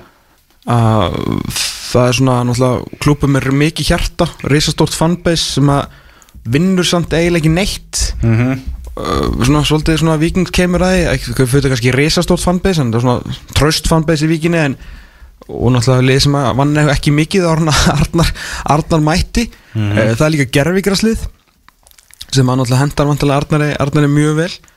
Og uh, þannig að ég er svona þetta er allavega tveir mjög, þetta eru klubbar sem henda svona, þeir, eru, þeir eru öðruvísi en hendur hann mjög vel. Ég talaði um áður svona að eitthvað fyrst, félag sem hefur heyri nafn Arnars Gunnlaugssonar og byrjar að spá í honum og fyrir að skoða þú veist bara Wikipedia síðuna hjá honum þá getur ekki annað verið heldur en að fólk svona hm, heyrðu þetta er eitthvað alvöru hérna. Já, emitt bara bara klúbarnir sem hann hefur verið hjá sko. Bara, ég nenni ekki að pæla hérna sem íslenska þjálfara. Býtið það er hérna sko Fænúrt Lester bara, já, já, já, ok. Þannig svona Og hvað segir þú? Sex titlar á fjórum árum Emmitt Nákvæmlega, leikið fyrir öll yngri landslið Íslands uh, 32 alansleikir það er bara, já, einhvern veginn allt í þessu sko. Já, Uh, Fróðilegt að sjá hvað gerist, það er alltaf að verða mjög breytt landslag í bestu deildinni ef að bæði Arnar og Óskar Rapp verða á hornir og braut þegar sumari hefst. Það er því Það væri aldrei verið að svona Sópa undan okkur teppinu Bara á 0-1 Að missa þá bara báði innu Við svo sem að þetta myndi nú gerast á endanum sko. Mm -hmm. Herðu formansframbóð KSI Guðni Bergson tekur slægin einu sem er staðfestur þegar við erum að taka þetta upp. Glöggir uh, hlustendur sem er að fylgjast með ennska boltanum líka hafa, hafa vantilega tekið eftir því að við, við erum ekki í beinu útsendingu sem stendur en þá, við skiptum yfir í beinu útsendingu þættinum setna hér á, hér á eftir, þetta er, þetta er tæknin. Uh, Guðni Bergson tekur slægin hann ætlar að mæta aftur. Uh, kemur ekki á óvart, það voru ímsar vísbendingar sem voru farnar á, á loft um það að hann væri að, að, að hugsa um þetta. Já. Var farin að mæta á landsleikim, var farin að mæta á lögadalsvöllin var farin að skrifa pistla mæta í hlaðvarsviðtöl og svona. Og hann hún langar aftur að, að taka þennan slag og sendi frá sér svona stutta yfirlýsingu veit ekki viðtölu á þessari stundu. Var náttúrulega mikið fjadra fók þegar hann hætti á KFC, sagði af sér vegna já, meintra hilminga sambandsins yfir er ekki og landsliðsmanna. það var bara heilt yfir. Heilt yfir og stjórnum með KSI sögðu þá að, að Guðni hefði reynilega bara ekki verið með allt upp á borðum gagvarteim og hefði ekki verið, já, hefði verið bara að leina fyrir, fyrir stjórnamönnum Jájú uh, það kom þrýstingu frá fjölugunum um að Guðni myndi stíga frá borði og það er vantar einhverja strísaksir aksir sem að Guðni þarf að grafa svona við fótbolta hreyfingun og hann þarf náttúrulega líka bara og mun gera það þetta er í februar sem ástingið er og hann þarf vantarlega að gera svona reynd fyrir sínu dyrum og, og gera upp þetta aðdraðandana að þessu öllu saman kastljósviðtalið og allt það. Já, algjörlega. Uh, Þetta er sko Við hittum nú hérna svona stóra mannum daginn innan, innan hérna innan hreyfingarinnar uh, og ITF sem að sagði við okkur að hann bjóst nú ekki við uh, hann sagði að hann gati ekki séð fram á frambúðið þráttur að hann var nú alveg meðvitaður um þetta væri svona að væri svona, að væri merkja á lofti að tekna lofti. Það væru þreyfingar að væri þreyfingar en hann gati ekki séð það bara út frá því hvernig félögin ætluðu þá að hvernig hefur orðað þetta að, að afsaka það, ef við notum bara eitthvað orð að fara að kjósa aftur mannin uh, sem að þau komu frá. Mhm. eh, já, komu frá völdum sko. Um, ég er svona uh, að því að ég fór nú í Ég þekki hérna kapla 3 og 1 hérna í rannsóknarskíslunni ansi vel bara því ég fór í, í stóru umræður á, á Rás 2 á sínum tíma um það en ég svona kynnti mér það, þetta er sláandi lesning. Uh, og, og, og náttúrulega er mjög slæm, alveg hrikalega slæm fyrir, fyrir Gunnar Bergson, hann er bara rakin öll sagan frá því þetta fer á stað og það er sko stjórnin er alveg brjáluð út í hann. Uh, náttúrulega stjórnamenn náttúrulega trilltir yfir því að hafa lá, verið látni skrifa, skrifa undir þessa yfirlýsingu sem að ég er enda að segja líka þeim tíma að uh, þeir náttúrulega áttu bara sjálfur að, að víkja fyrst að skrifa undir þessa yfirlýsingu á hans að vita neitt sko. Það sem að KSI sagði bara hérna, þegið þólendur basically, þú veist 17. ágúst yfirlýsingin stóra og síðan kom náttúrulega önnur bara svona afsökunar yfirlýsing þar sem við stóð, allt í hennu stóðu með þólundum þegar kom í ljós að það voru alveg nokkur mál að borði en stjórnin vissi ekkit um þau í þessum í þessari hérna skýslu náttúrulega kemur fram líka að vera að tala um postana alla sem er verið að senda á milli og hvernig ETF tók á þessu líka og þar segir hérna sendir uh, uh, vitnaði Birgi Olgi Birgi Olgisson, Birgi Jóhansson frangöndastjóri ETF, þar sem Já. hann segir að ETF sé bara með zero tolerance policy fyrir svona málum og enda með því að Orri Hlöðversson sendir hann líka post innan ETF sem að verður til þess að ETF sem er náttúrulega eh, basically KSI 2 sko. Og ETF er náttúrulega bara félögin eða að, aðal félögin, efstu tvær deildir kalla hverna að þau zero tolerance policy að þá félagana leiði til þess að ETF svolítið ítir stjórninni og, og guðuna frá, frá borði og þú veist þetta var aðdragandinn að afsögnan síðast mm. og þetta þýðir það í raun og veru að ef að félögin ætla þá að, hérna, að kjósa guðna það verður kostning yfir höfuð skilur, Já. eða verður hérna, eða eitthvað mótframbóð að þá þurfa þau að játa því einhvern veginn að þau séu búin að þá bakka með þessa zero tolerance policy eða þá fyrirgjónum allt sem að þarna undan í gengið og, og ef að svo er raunin þá er allt í, þú veist, þá er hérna, bara fullt brautagengi til þess að, til þess að kjósa hann. en þá eru þau samt sem áður að ég sá að stuði hérna heimildin og bú- búin að mitt að vitna svolítið í þetta allt saman í einni grein hjá sér uh, já, félagin þurfa þá svolítið að svona ég ætla ekki að segja ganga á bak orða sinna en fara svona aðeins gegn því sem að þau stóðu fyrir hérna á sínum tíma sem er þið svolítið skrítið á þessum svona á þessum tímum sem við lifum uh, mörg félög hafa líka tekið næsta skref í svona kvennamálum hjá sér. Og sér bara eins og vikingandi mínir er allt í hennu bara svona þvílík púður sett í kvennaliði sem náttúrulega náði stórkursluðum árangri í, uh, í sumar. Þannig að svona þú, þú þarf svolítið að þú þarft náttúrulega bara út af því og ég er ekkert að hlusta eitthvað lasta guðuna, ég er bara að segja að þetta er hluti sem að gerðust. Já, já. þetta er ekki, ég nú er ekki að tjá skoðanir mín ég er bara að segja hluti sem að gerðust. Að félagin þurfa þá svolítið að ákveða það að þau séu búin að, að fyrirgefa þú veist, yfirhelmingu kynfyrirsbrotana og hvernig hann laug í fjölmiðlum. Og, en ef þau eru tilbúin til að fyrirgefa það og taka á sig stormin sem að því fylgir besta mál sko. Þá bara, hérna, ef að þeim finnst félagunum finnst guðni hvort sem þessi verið móframbóð ekki bara góri gjaldi verður í störfin sem slík. En það, þessi stormur kemur alltaf upp aftur í kringum þú getur alveg lofa þér því. Þú, þe- þetta er ekkert glemt annar staðar. Nei, nei.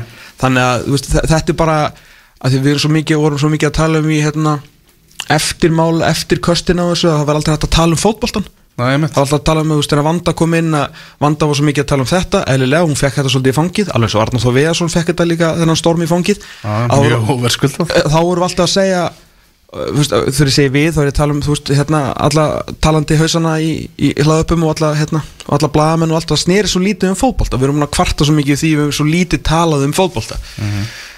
Uh, það verður ekki mikið talað um fótbolta í kringum þetta frambóð veist, við vitum alveg hvernig heimurinn virkar þannig að þetta er bara eina sem ég eh, þetta er svona já, varðandi hvernig hann fór frá völdum og sömu félögin og voru með þess að síla og tólarnarspólisíu þurfa þá að bakka svolítið frá henni Mhm. og, og fyrirgefa en ef þau gera það og þá er hérna og ég ætla að giska á þau sem mörg hver bara búin ákveða að þetta að, hérna, að hvernig hann fór frá völdum bara sé bara glemt og grafið. Það segir sér þegar hann er að hann væri ekki að búið sér fram nema að hann væri með eitthvað brötagengi hann lítur að vera búin að hlera fólk Ég trúi ekki öðru. Já. Erum við að fara aftur að fá Guðri Bergson versus Björn Einarsson? Nei, nei, það held ég ekki. Ég ég hef held að, talað um að þetta væri brjálaðslega spennandi. Að bara það var alveg stórkorslega skrítið hjá byrni uh, að fara ekki fram strax og bara að því ef hann hefði farið fram hefði engi farið fram mót honum. Held ég. Já, að Já. Ég held það, ég veit ekki um það þetta er bara Nei, það er nú ennþá, En ennþá slatti svo- í þetta. Já, já, en þú veist líka koma fram og segja hérna, lýs ekki við neinu málefnum alltaf ræða það bara þegar nær dregur. Bara, ha, þú veist, þú veit ekki viðtölu þetta er mjög En vildi, Ég vildi Guðni ekki bara vera fyrstur. Er það ekki bara góð pólitík í því? Bara, bara besta pólitíkin Já, en bara, það hann, er hann, hann er- bara fyrstur og ég held, eins og segir, bara hreyfingin virðist vera þannig að það eru margir svona hikandi einhvern veginn að fara í slag, einhvern forma slag, sko. Já, ég meina þú veist bara mæta uh, og síðan bara hérna, mæti ekki við töl og alltaf ekki að útskýra neitt meira að leifa svona mesta storminum ef að eitthvað stormur er því, svo bara koma aðvenda alltaf gunn alltaf frábæra pólitíkus og með frábæra pólitíkus að ráðgjafa í kringum sig. Það vantar ekki. Það vandar ekki, þannig að veist, þetta er, þetta er mjög vel útpælt, þetta nú bara kemur aðvendan og jólinn og svo allt í náðurinn við vitum er náttúrulega bara fyrir að nálgast hérna, fyrir að nálgast uh, ástingið En svo spurning með Þorvald Örlugsson, Tótti Örlugs, það- hann er búin að vera að kanna landslæði, tekið eitthvað síntöl og, og það sagði við með maður hérna í vikunni að hann teldi að myndi fara fram, Tótti. Já, ég, hérna, ég bara hafa verið óskandi bara til að fá hérna, kostningapartið, hún er svo skemmtileg og Við bara tölu, fá, tölum mikið um þetta þegar Sævar fór á móti vöndu, Já. bara þú veist, bara holdur Já, bara fá, umræðuna algjörlega og bara hvað menn ætla að gera Já. eða hvað fólk ætla að gera í, í þeim hérna þegar þau fóru fram en ég bara með við hvað er langt sinni ég heyriði fyrst á Þorvaldur væri að taka símtælið þá líður mér eins og símtælinn gangi eitthvað illa með eitthvað klukkan er orðin sko. það er ekkit svo, það er ennþá langt í þetta, sko. Já, Ég- já. Það er alveg nægu tími til að koma inn með, með kraftu og sprengju, sko. ekki spurning, en þetta er náttúrulega það vita allir hvað þarf að gera þarna og það þarf náttúrulega bara að fara að taka til Já Þeir fréttir úr bestu deildinni í vikunni dansku markvörður Mark Jensen var að markvörður start hann æfði með breyðabliki mm. og það býr náttúrulega til spurninguna eru blikar í leita markvörði í stað Antons Ara? Ég það allan að verið sem svo að- Haldur Átnársson hefði verið á svona með það sem maður heyrði af Óskari og svona dvínandi áliti hans á Antonara að að Haldur Átnársson hefði þá allan að verið með honum þar þar að Já. segja að hann er allan að fara að prófa nýja markverði um, ég Sko tölfræði Antons í sumar bara var mjög vond. Uh, hann var að kosta allt og, allt og mörg mörg. Anton var bara því, hérna, var bara slagur í ár. Með Já. við það sem að hann hefur syngt okkur með val og meistaratímbili breyðabliks þakki hans getur verið mjög hátt það er að segja veist hann getur verið rosalega góður en svo getur hann verið bara rosalega ólíkur sjálfum sér. Og þegar hann er ólíkur sjálfum sér þá er hann bara að gefa mörg Já, það snýst um það bara hvort það heldur telur Haldur sig vera fullvissan um það að Antoni muni á gott sumar eða hvort hann verði aftur svipaður og var, í, var núna í sumar sko. Hefur fengið náttúrulega líka bara svona talsverða gaggrinu opinbilla frá stuðnismannum blika mjög mikla og Mjög mi- mikla. Já, náttúrulega ekki upp alinn og á ekki mikið bakland þannig að klubnum verið störa því að það það er vægasagt svona hann verður er alltaf það er mikið bent á hann þegar eitthvað gerist þegar samanskapið þegar svona uppöldu blikarnir stundum eru að gera mikið mistök að þeir sleppa ansi vel oft eðlilega, þannig virkar þetta bara. Já, já. hann er aðkomaðurinn og þegar hann gerir mistök þá er með hérna ljósinu varpað mun skærar á hann. Mm -hmm. en ef ég er Páll Kristjánsson þá er ég alltaf búinn að ringja sko. Já, í KR Já, 100% Já, það verður káringar í markmannsleit Já, Greg Rættir sagði það nú bara í hjálfari Það verður nýr nummer eitt. Það verður nýr nummer eitt. Anton Ari í Vesturbæn, það er spurning. Mun bróður hans reyna að fá hann í Mósesbæn Bróður hans með pottit mun reyna að fá hann Og, og hérna, gullkistan í Mósusbænum verður opnuð upp á gátt til þess að reyna að landa honum til þess að ná þessu drauma skrefi að- komast upp í efstu En Anton Ari því miður hefur ekkert að gera í B-deild á þessu stíi félagsins sko. Ekki nema að hann langi bara að einhvern veginn fá smá sólarglætu í hjarta að spila fyrir bróður sinn og uppeldisfélagi en, en Já, verður ekki jafn mikið einhvern veginn í, í sviðslósinu sko. Ég held að já, en, en Káir á að, á að sækja hann og sækja hann hart.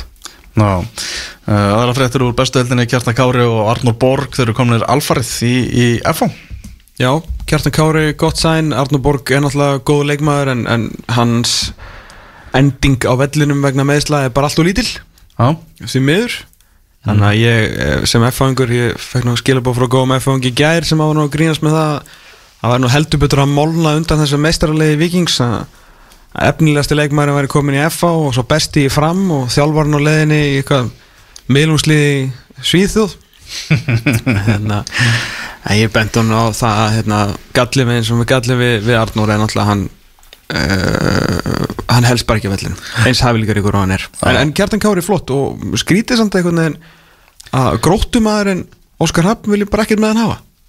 Já, sér ekkert í honum. Ég, já, það er nú okkur að, okkur að fara ykkur aðra leið þetta er gott sæðan fyrir þess að Kjartan Kári er, er mjög gott sæðan fyrir FH þetta er flott, já. Heldur betur.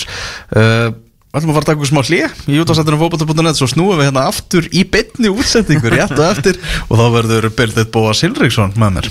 Það held ég útastættunum fókbalta.net heldur áfram hér á X977 og núna erum við mættir í þráðbeina Alveg útsendingu það var upptæk á hann þetta Tómas að lýsa mannsætti sitt í Liverpool sem að nú er í gangi og Bildið Bóa Silriksson hvað er að frétta frá Manchester Borg? Já, það sem er að frétta er það að eh, fadir Luis Díaz er á vellinum Já, Það er ein, nei uh, Staðan er er stór frétt. 1-0 fyrir Manchester City uh, Erling Holland skoraði var að koma Manchester City yfir Alisson í brasi í markinu hjá Já, sko það er nú stundum uh, svo við, við, við, vitnum í Kára Átnason þá uh, segir hann uh, Game of Margins. Já. og þetta sé snúist um uh, svona að vera hérna Uh, ekki gera mistök og Alisson rann í útsparki Nathan Ake tók uh, bara bolta niður og hjælt af stað tók tvo leikmenn á og, og sendi á uh, Holland sem að tók eitt töts og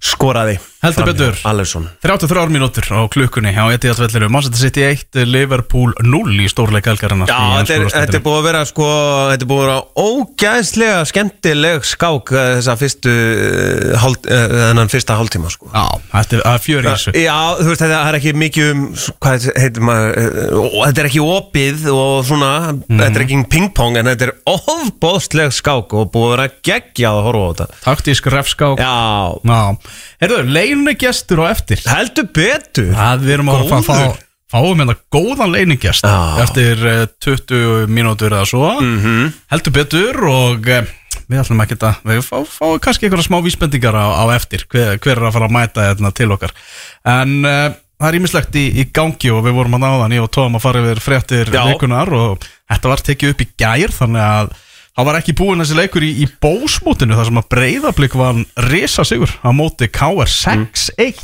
enduðu leikar. Já. Uh, Kanski munurinn að uh, blikarnir uh, spila á fullu gassi og eru á fullu tempói og allt það og, og hérna K er kannski að byrja en, en blikarnir eru náttúrulega ekki að enda eh, þú veist, þeir eru ekki ennþá að enda. Nei, Blíkandi er Eh, náttúrulega að búa sig undir hann að leika mútið Maccabi Tel Aviv á 50 daginn í sambandstildinni heima leikur og það búist við talsvöru mótmælum í kringum leikin uh, Ég var að heyra það að það eru vist, möguleikar því að leikunum verði bara hreinlega á Kópavóksvelli Það er pulsa núna yfir lögadalsvellinum mm. en náttúrulega engin uppbytun á, á grasinu þannig að það er ekki vita hvernig ástandi verður uh, það áverka frost í jörðu og svona að UEFA muni jafnvel gefa undan þá fyrir það að þessi leikur verði færður heim í mm. það er eitthvað sem er í svona í deiklunni er eitthvað í Já.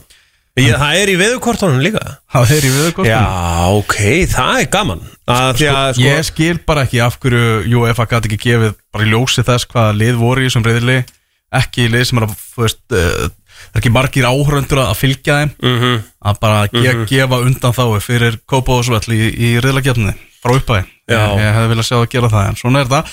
Skilða að þessi orðin svolítið þreyttir á öllum þessum undan þá sem þarf að veita Íslandingum varandi vallamál? Já, já, er þetta ekki bara það að hérna, UEFA fekk nóg einhvern tíma og þú veist, ég minna, ég held að þessi lögatarsvöldu sé búin að vera á undan þá frá 87 eða eitthvað líka og, og hérna, við virðumst uh, byggja mannvirki þannig að þau séu ólögleg sem er mjög furðulegt. Já, góður því. Já, það er mjög góður því og hérna UEFA hefur bara sagt, heyrðu, ég, þú veist, djöfull nennu við ykkur ekki. Nú er bara komið nóg. Já, þannig að, já. Þessi, við, já, þannig að þessi leikur alltaf var í, á Kópavóðsvall í gær þar sem að blikarur kjöldróu káðringa 6-1 Ágúst Eðvall Linsson og Jasson Dæði Svanþórsson voru báður með þrennu í, í þessum leik. Mm. Greg Reiter uh, farin aftur út kom hann aðeins við og á, á landinu og hann er farin aftur út þannig að hann stýrði ekki káringum í, í þessum leik Mhm.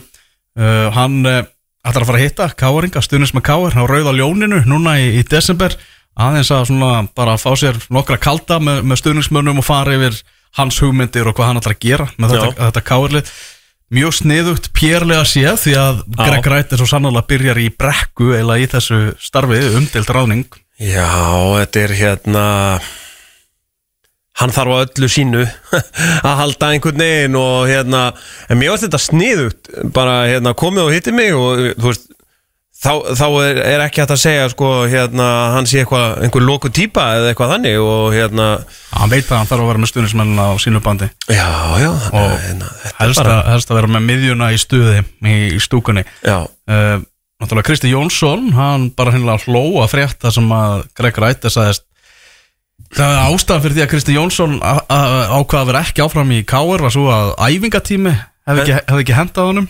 Það er Kristi Jónsson er uh, vísar því greinilega bara í, til föðurhúsana, þeim umvalum Ástæðan er einhver önnur þráttur að uh, Kristi Jónsson vilji ekki sjálfur ræða það.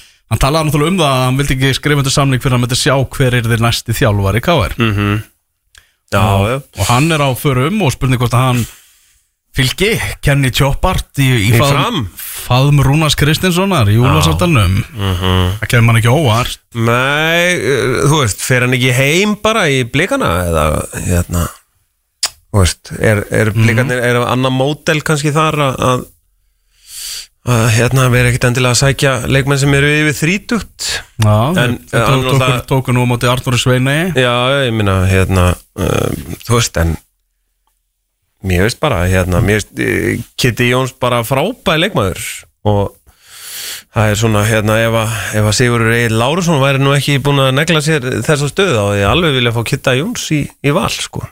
Já, um mitt en er hann ekki, sko, hann er einhver svona hátækni verkfræðingur hjá Marel eða eitthvað, þú veist er það ekki, hann er, hann er, ekki hann er í einhverju góðri stöðu mm. og hérna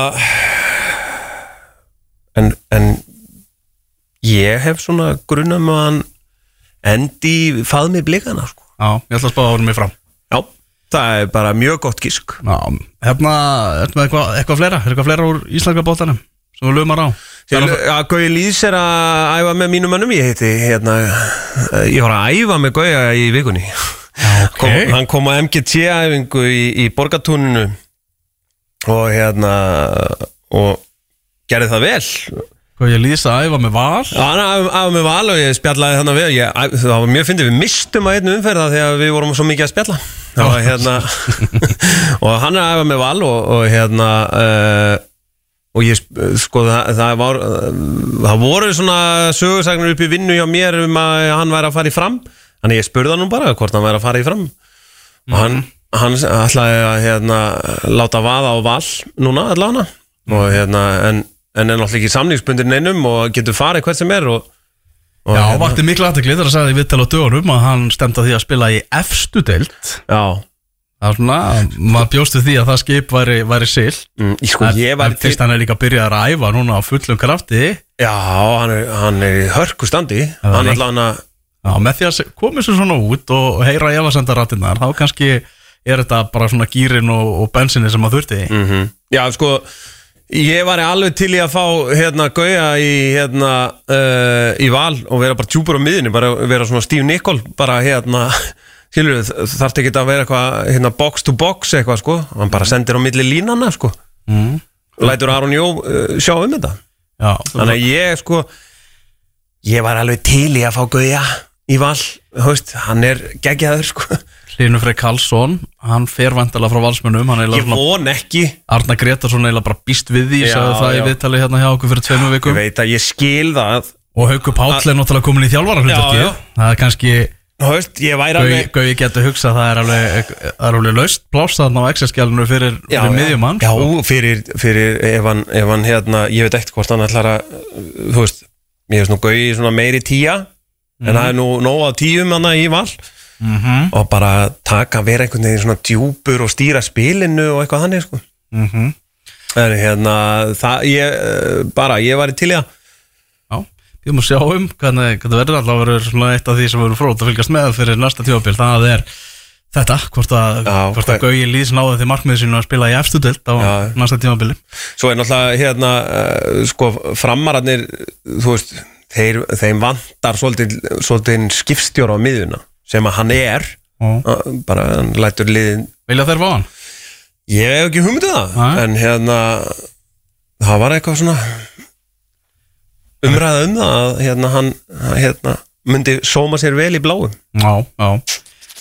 Herðu, eitt sem við fórum nú ekki yfir hérna í þegar við vorum að fara yfir frétti vikunum það var náttúrulega þetta afreg uh, Heimis Hallgrímssonar með Jamaica. Mm -hmm.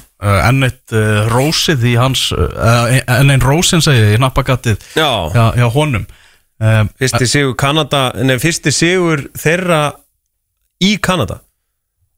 Já, unnu, unnu Kanada 3-2 útivelli eftir að hafa tapað fyrir leiknum? Já, 2-1 og það var alveg ljóst að þeir þurftu bara að ná sínu allra besta fram og þetta var því líkspenna og karakter í, í strákunum hans heimis og þeir eru komni núna í undan úslit í þessari þjóðadeild, CONCACAF þjóðadeildinni og er að fara að mæta bandaríkjamunum í, í, í massmánuði úslitakeppnin verður einmitt í, í bandaríkjunum undan úslitin og úslitin verða í Texas. Mm -hmm.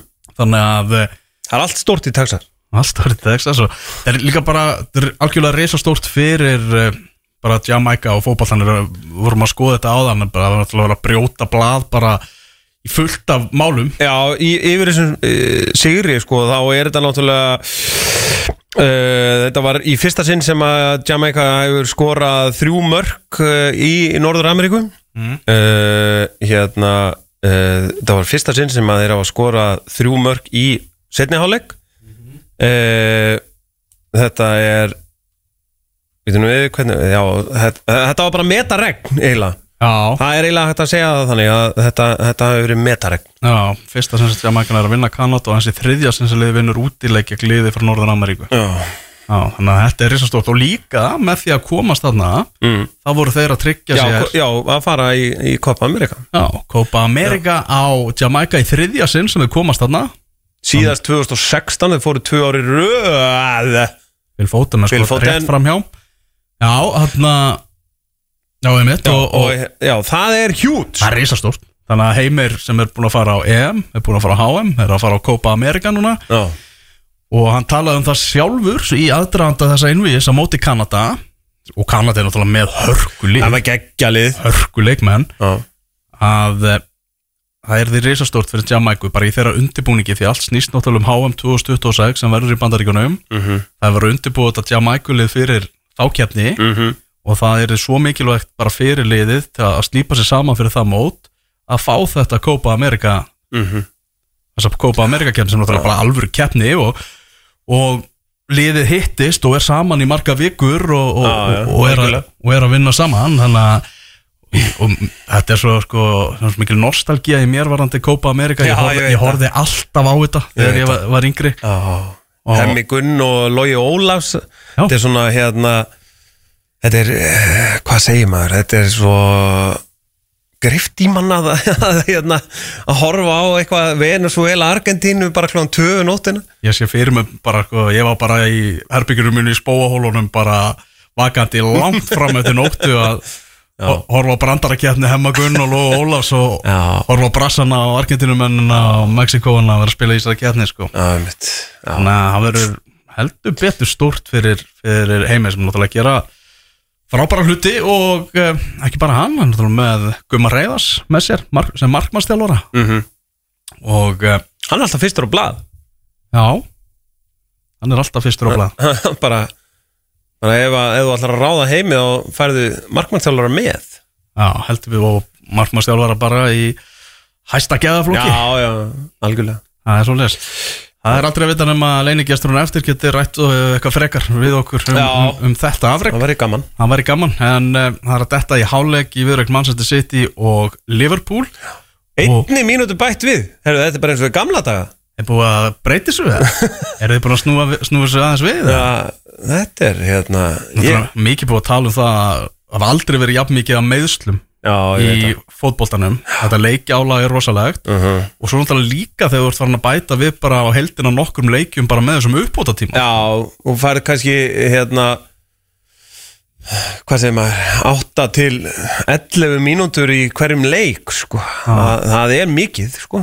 Þegar Spurning hvort við þurfum ekki að fá bara eina róla í heimsókn og ræða þetta eins Þetta, þetta dæmi sko Sko það var það einhver- á leikmenn. Já, kom einhver listi um daginn Það er einhver, hérna, að því að það eru 102 leikmenn í ennsku úrvasteldinni bara meittir Mjög mikið meittir, sko Já Njúkastle á nýju þeirra mm -hmm. Þakkaði fyrir Talandi Níu. Newcastle, Newcastle Við ætlum að kíkja á Ölver við strákanar og eftir og Heldur betur maður ætlum að horfa á þína menn Já. í Newcastle Já. á móti Chelsea Þetta er eftir helvíti safaríkur lögadagur í Já fínasti lögadagur til að uh, fá sér bjór og, og hérna njóta.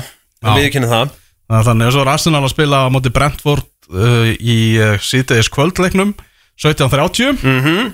og svo á morgun þá tóttinam Aston Villa og Everton Manchester United. Enski boltinn er, er komin á stað aftur og ég veit að það eru margir sem að fagna því. Oh. Eftir að landsleikjarklukkanum er lokið. Já, sko, landslíkaglugginn er allt í lagi og það er bara eins og það er og hérna, þú veist, bloody blue. En þessi miðugudagur og fimmdagur áður en að hérna, og förstudagur er rauninni líka uh, áður en þetta fer aft, aftur á stað Já, eru leiðilegustu dagar í veröldinni sko. bara, uh, bara ömulegt Ég hugsaði á miðugutaskvöldið bara hvernig, þú veist hvernig er hægt að vera bara, þú veist hafa ekki áhuga á Ég veit fótbolta það. Þú veist, er allir dagar bara svona?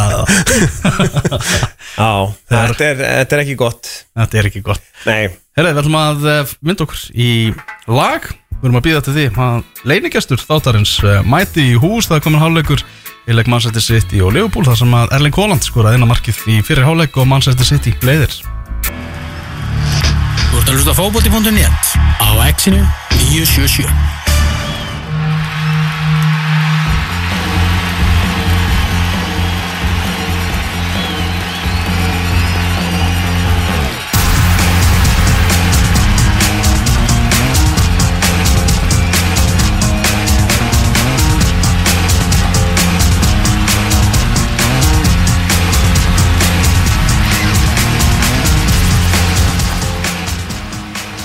Það er ég áframeldur útastættinni fótbolti.net hér á X977 og uh, leinigestu þáttarins, hann er komin í hús og, og glöggir hlustendur sem að voru að hlusta, voru nákvæmna vísbendingar sem við hendum inn hérna, spiluðum Bob Marley og, og ég veit ekki hvað og hvað.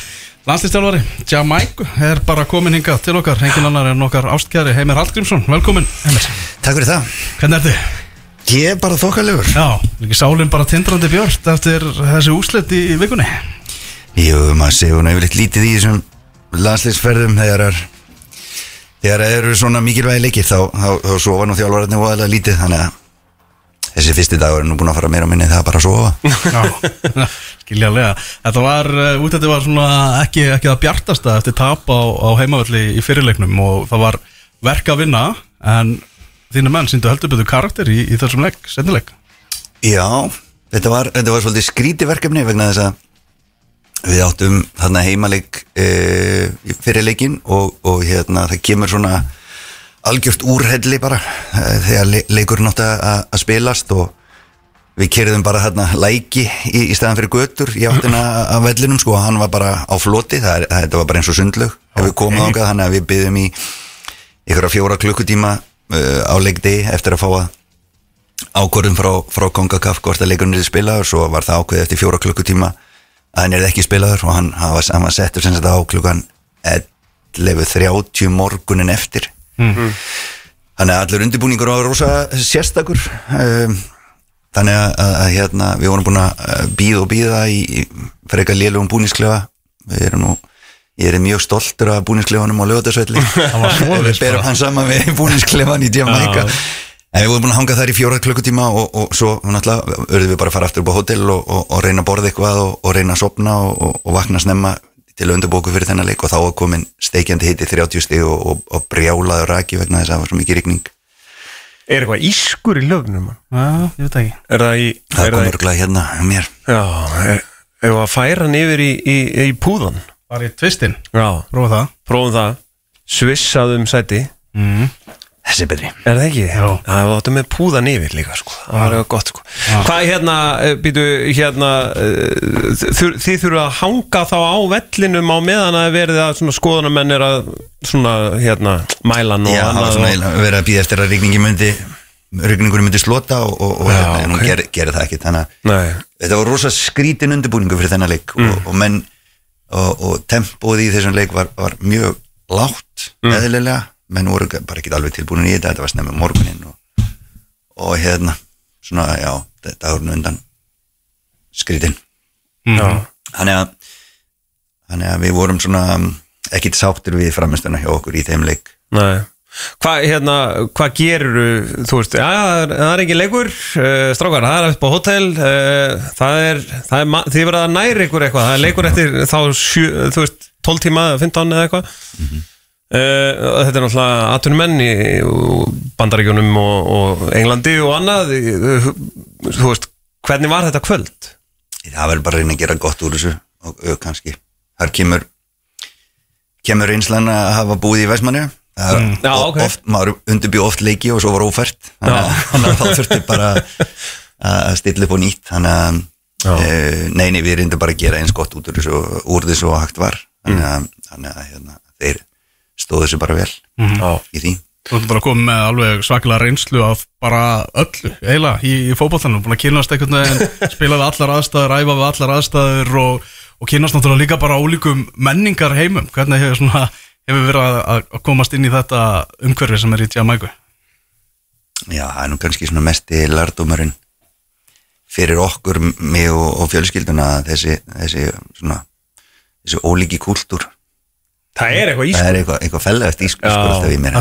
Geta, er það, Ég vissum ætla að ekki þessi mæka ég ætla ekki að færa mig aftur sko. Nei, Prófa þú benni að skipta um Á, ég að fara í- Já, ég held að það getur verið þú sko.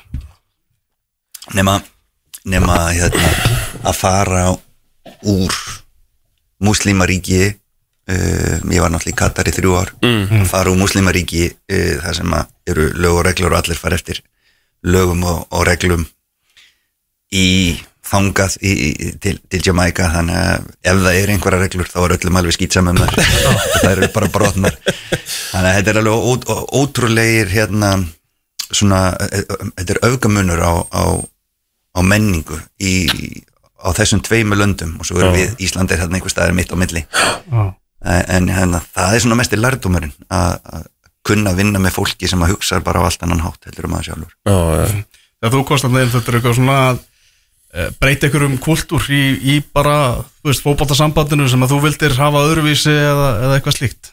Já, já, það, hefur verið það sem hefur gengið eiginlega erfiðast Já, að breyta. Það, það er auðvitað, þú breytir ekkit sem útlendingur einhverjum kultúr í einhverju landi eða Mhm. einhverju stofnun. Þannig að þú er bara að reyna að læra að vinna með fólki og, og, og fá það til þess að fá það til þess að vinna með þér.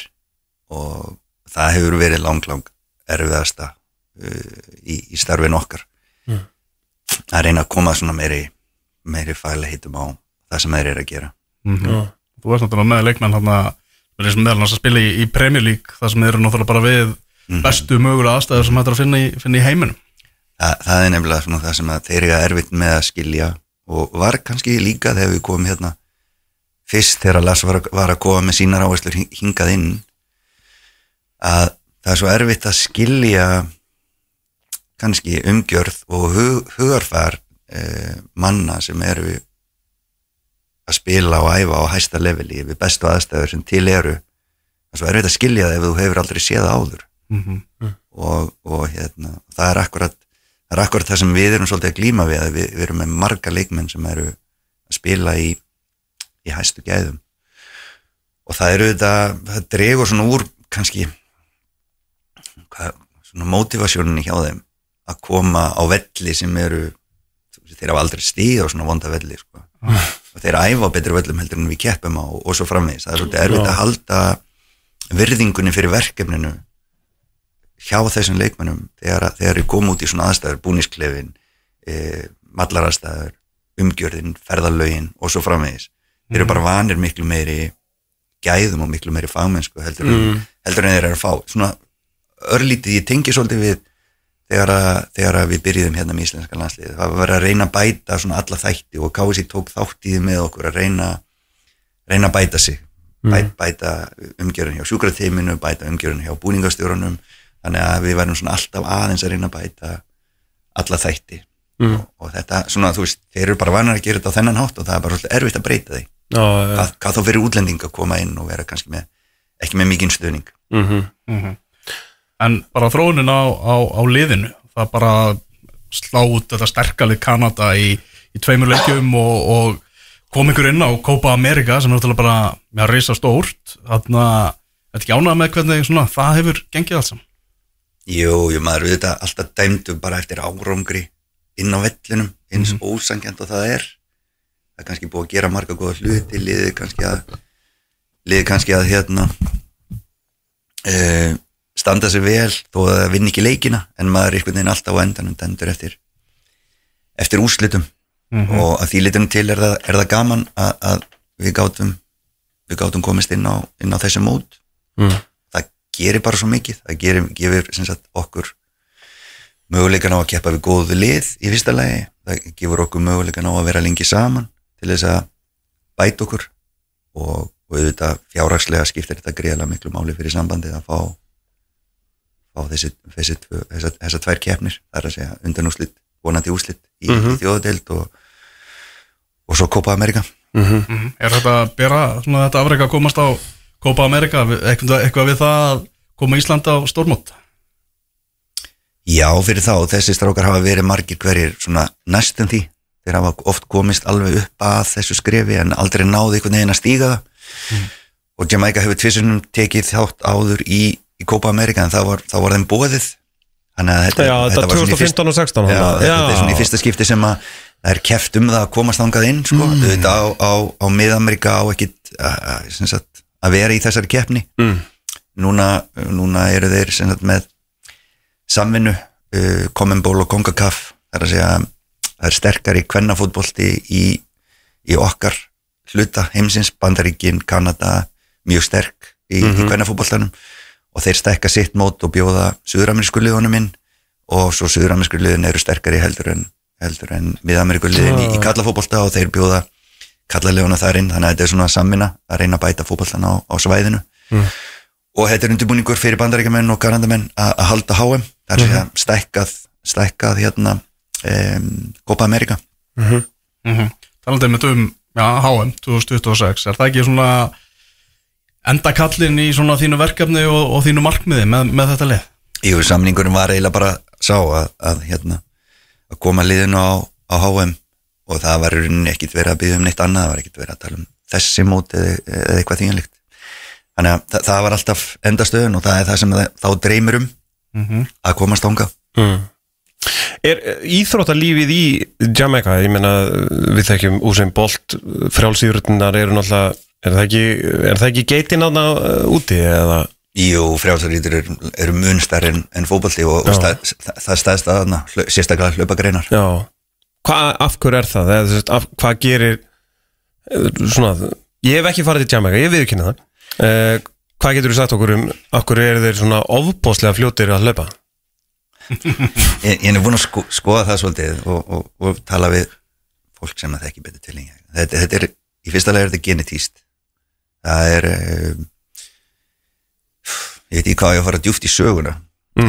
en, en svona í, í stuttumáli er það þannig að um, hérna áður fyrir voru þrælaskipin þetta var fyrsta stopp hjá þeim frá Afríku til, til, til, til Ameríku eða, eða hvers sem það var. Og þar í, í, í Jamaica og Haiti þar var erfiðustu þrælunum hent frá borði, þeir vildi ekki hafa lengur um bara þeir uppreikna segnirnir og þeir sem voru sterkir og þeir eru ekkit við, mm. þeim var hent út þannig í Jamaica eða, eða Haiti og þetta er svona kynstofn sem að hefur fengið svolítið að að, að, hérna, að halda sér og, og já, bara mjög margir líkamlega stóri, sterkir, kraftmiklir Já. karlmenn og ég held ég, hafi, ég, held ég sé að segja rétt að það var, það var undankeppni fyrir HM í frjálsum Mm.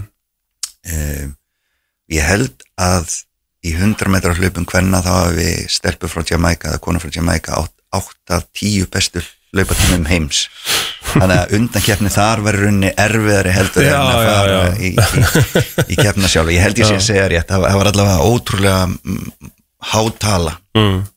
þar Talandum uh, Úsinn Bolt, það uh, bárust nú einhverjar fregnir af því að þú og hann hefði rúndað um England að, að hérna, reyna að samfæra fólkum að hérna, koma og spila fyrir Jamaica. Hvað, hérna, er það, er það satt eða? Nei, það er ekki satt Það er ekki satt. Frábær saga Það er góð saga En sko, þegar ég segi söguna, þá gerðist þetta. Þannig að bara þannig að þú vitir það, sko. Nei, nei, hann, hann, er, hann, er, hann hefur komið á æfingar hjá okkur og, og kemur á alla leiki og, og er góðu vinnur eh, leikmanna Já. í liðinu þannig að Það var alltaf mikið fótbolta. já, já, hann hefur mikið áhuga á fótbolta og, og kemur á alla, alla kvenna leiki og kalla leiki í, Já, í ok. landsliðsins þannig að já, já, og ég, ég veit að ef ég þarf á hann að halda þá get ég beða hann um hjálp Já, ef ok. ég vill taka rúnd með honum í, með- í Englandi þá- þá- ég gæja, ég get allavega á mjög vilt með hann á Já, ok. En það er svona hluti af þínu starfi Það er eiginlega svona að já, skáta að finna leikmenn sem að eru með rætur til, til Jamaica og geta, geta spila fyrir landslið því að þeir eru talsveit margir. Já, það er sagt eftir stríð eftir heimstyrjöldina þá, þá um, er þetta er alltaf bresk, bresk nýlenda mm -hmm. og var alltaf bresk nýlenda það fór hansi margir uh, í svona verkamannavinnu uh, til, til Breitlands og Bandaríkina eftir stríð Mm. og til Kanada líka það er hansi margir er hansi margir ákomendur sem sagt þeirra sem er að spila og hafa aðlist upp í akademíum í Englandi og, og telja sig vera Jamaica menn þó þeir hafi kannski fæðist í, í Breitlandi eða bandaríkina mm. þá, þá eiga bæði móður og, og föður sem eru, eru frá Jamaica og eru bara aldir upp þannig Ertu þá bara með ættfræðing í vinnu við að, svona, er, er ekki, er ekki að skoða þennan? eða? Já, við erum búin að nýta okkur ímislegt til þess að, til þess að skoða þetta þetta er nú reyndar alltaf að verða um, það er alltaf að vera betur og betri í svona hvað hefur að segja uh, upplýsingar og meiri upplýsingar um alla leikmenn að þetta er líka komið inn í, inn í ákveðin töluforrið sem að tengja sig við Já, ok. Mm. Þú hérna, já, bara hefur listið yfir að þú hefur á að fá Mason Greenwood í, í, í liðið hvernig, hvernig stendu, standa þau mál akkurat núna? ég hef bara sagt að ef hann vildi koma þá, þá hef ég ekki þá hef ég bara alls ekkert á móti því ég vil auðvitað eins og bara allir þjálfur að vera með bestu leikmennina í liðinu mínu Mm -hmm.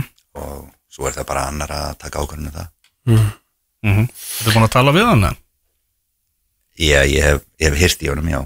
Já, og var hann jákvæður? Já, hann er bara, já, ég myndi segja það að hann, hann væri alveg, og er, er bara að skoða þetta. Já, Já. liggur undir feldi Nýkur undir veldi. Já, það var pólitíst og gott svar. Það var vel gert. Nefndir þetta, vanur, þessu Já. Hvernig er svona fjölmila umhverfið í Jamaica? Ég meina, hérna, eftir, eftir bara eins og þennan tapleika heima, skilur er, er, er færð á baukinn eða, þú veist, Já, eða, það er crazy, það er crazy fjölmjölu umhverju þarna. Alveg magnað, sko. Það er í rauninni allir sem hafa áhuga á fótballta, mm. þeir eru með YouTube channel já, ég sá og bara það. segja sína skoðun það er alveg sama hvort að þeir hafa eitthvað vitað því ekki, þeir eru Já. bara með YouTube channel og eru bara, Þeir tala, sko ég skoðaði hérna eftir uh, sigurinn þá, þá gerði ég eitthvað hérna, googlaði bara Hallgrímsson Reggie Boys, mm, bara að tóða, þú veist, ei, hvernig er umfjöldinu bara að pæla sko. Og þá kemur sko átján myndbönd á YouTube. Já. í fyrstu, það sem er bara einhver maður að tala í kameruna sko.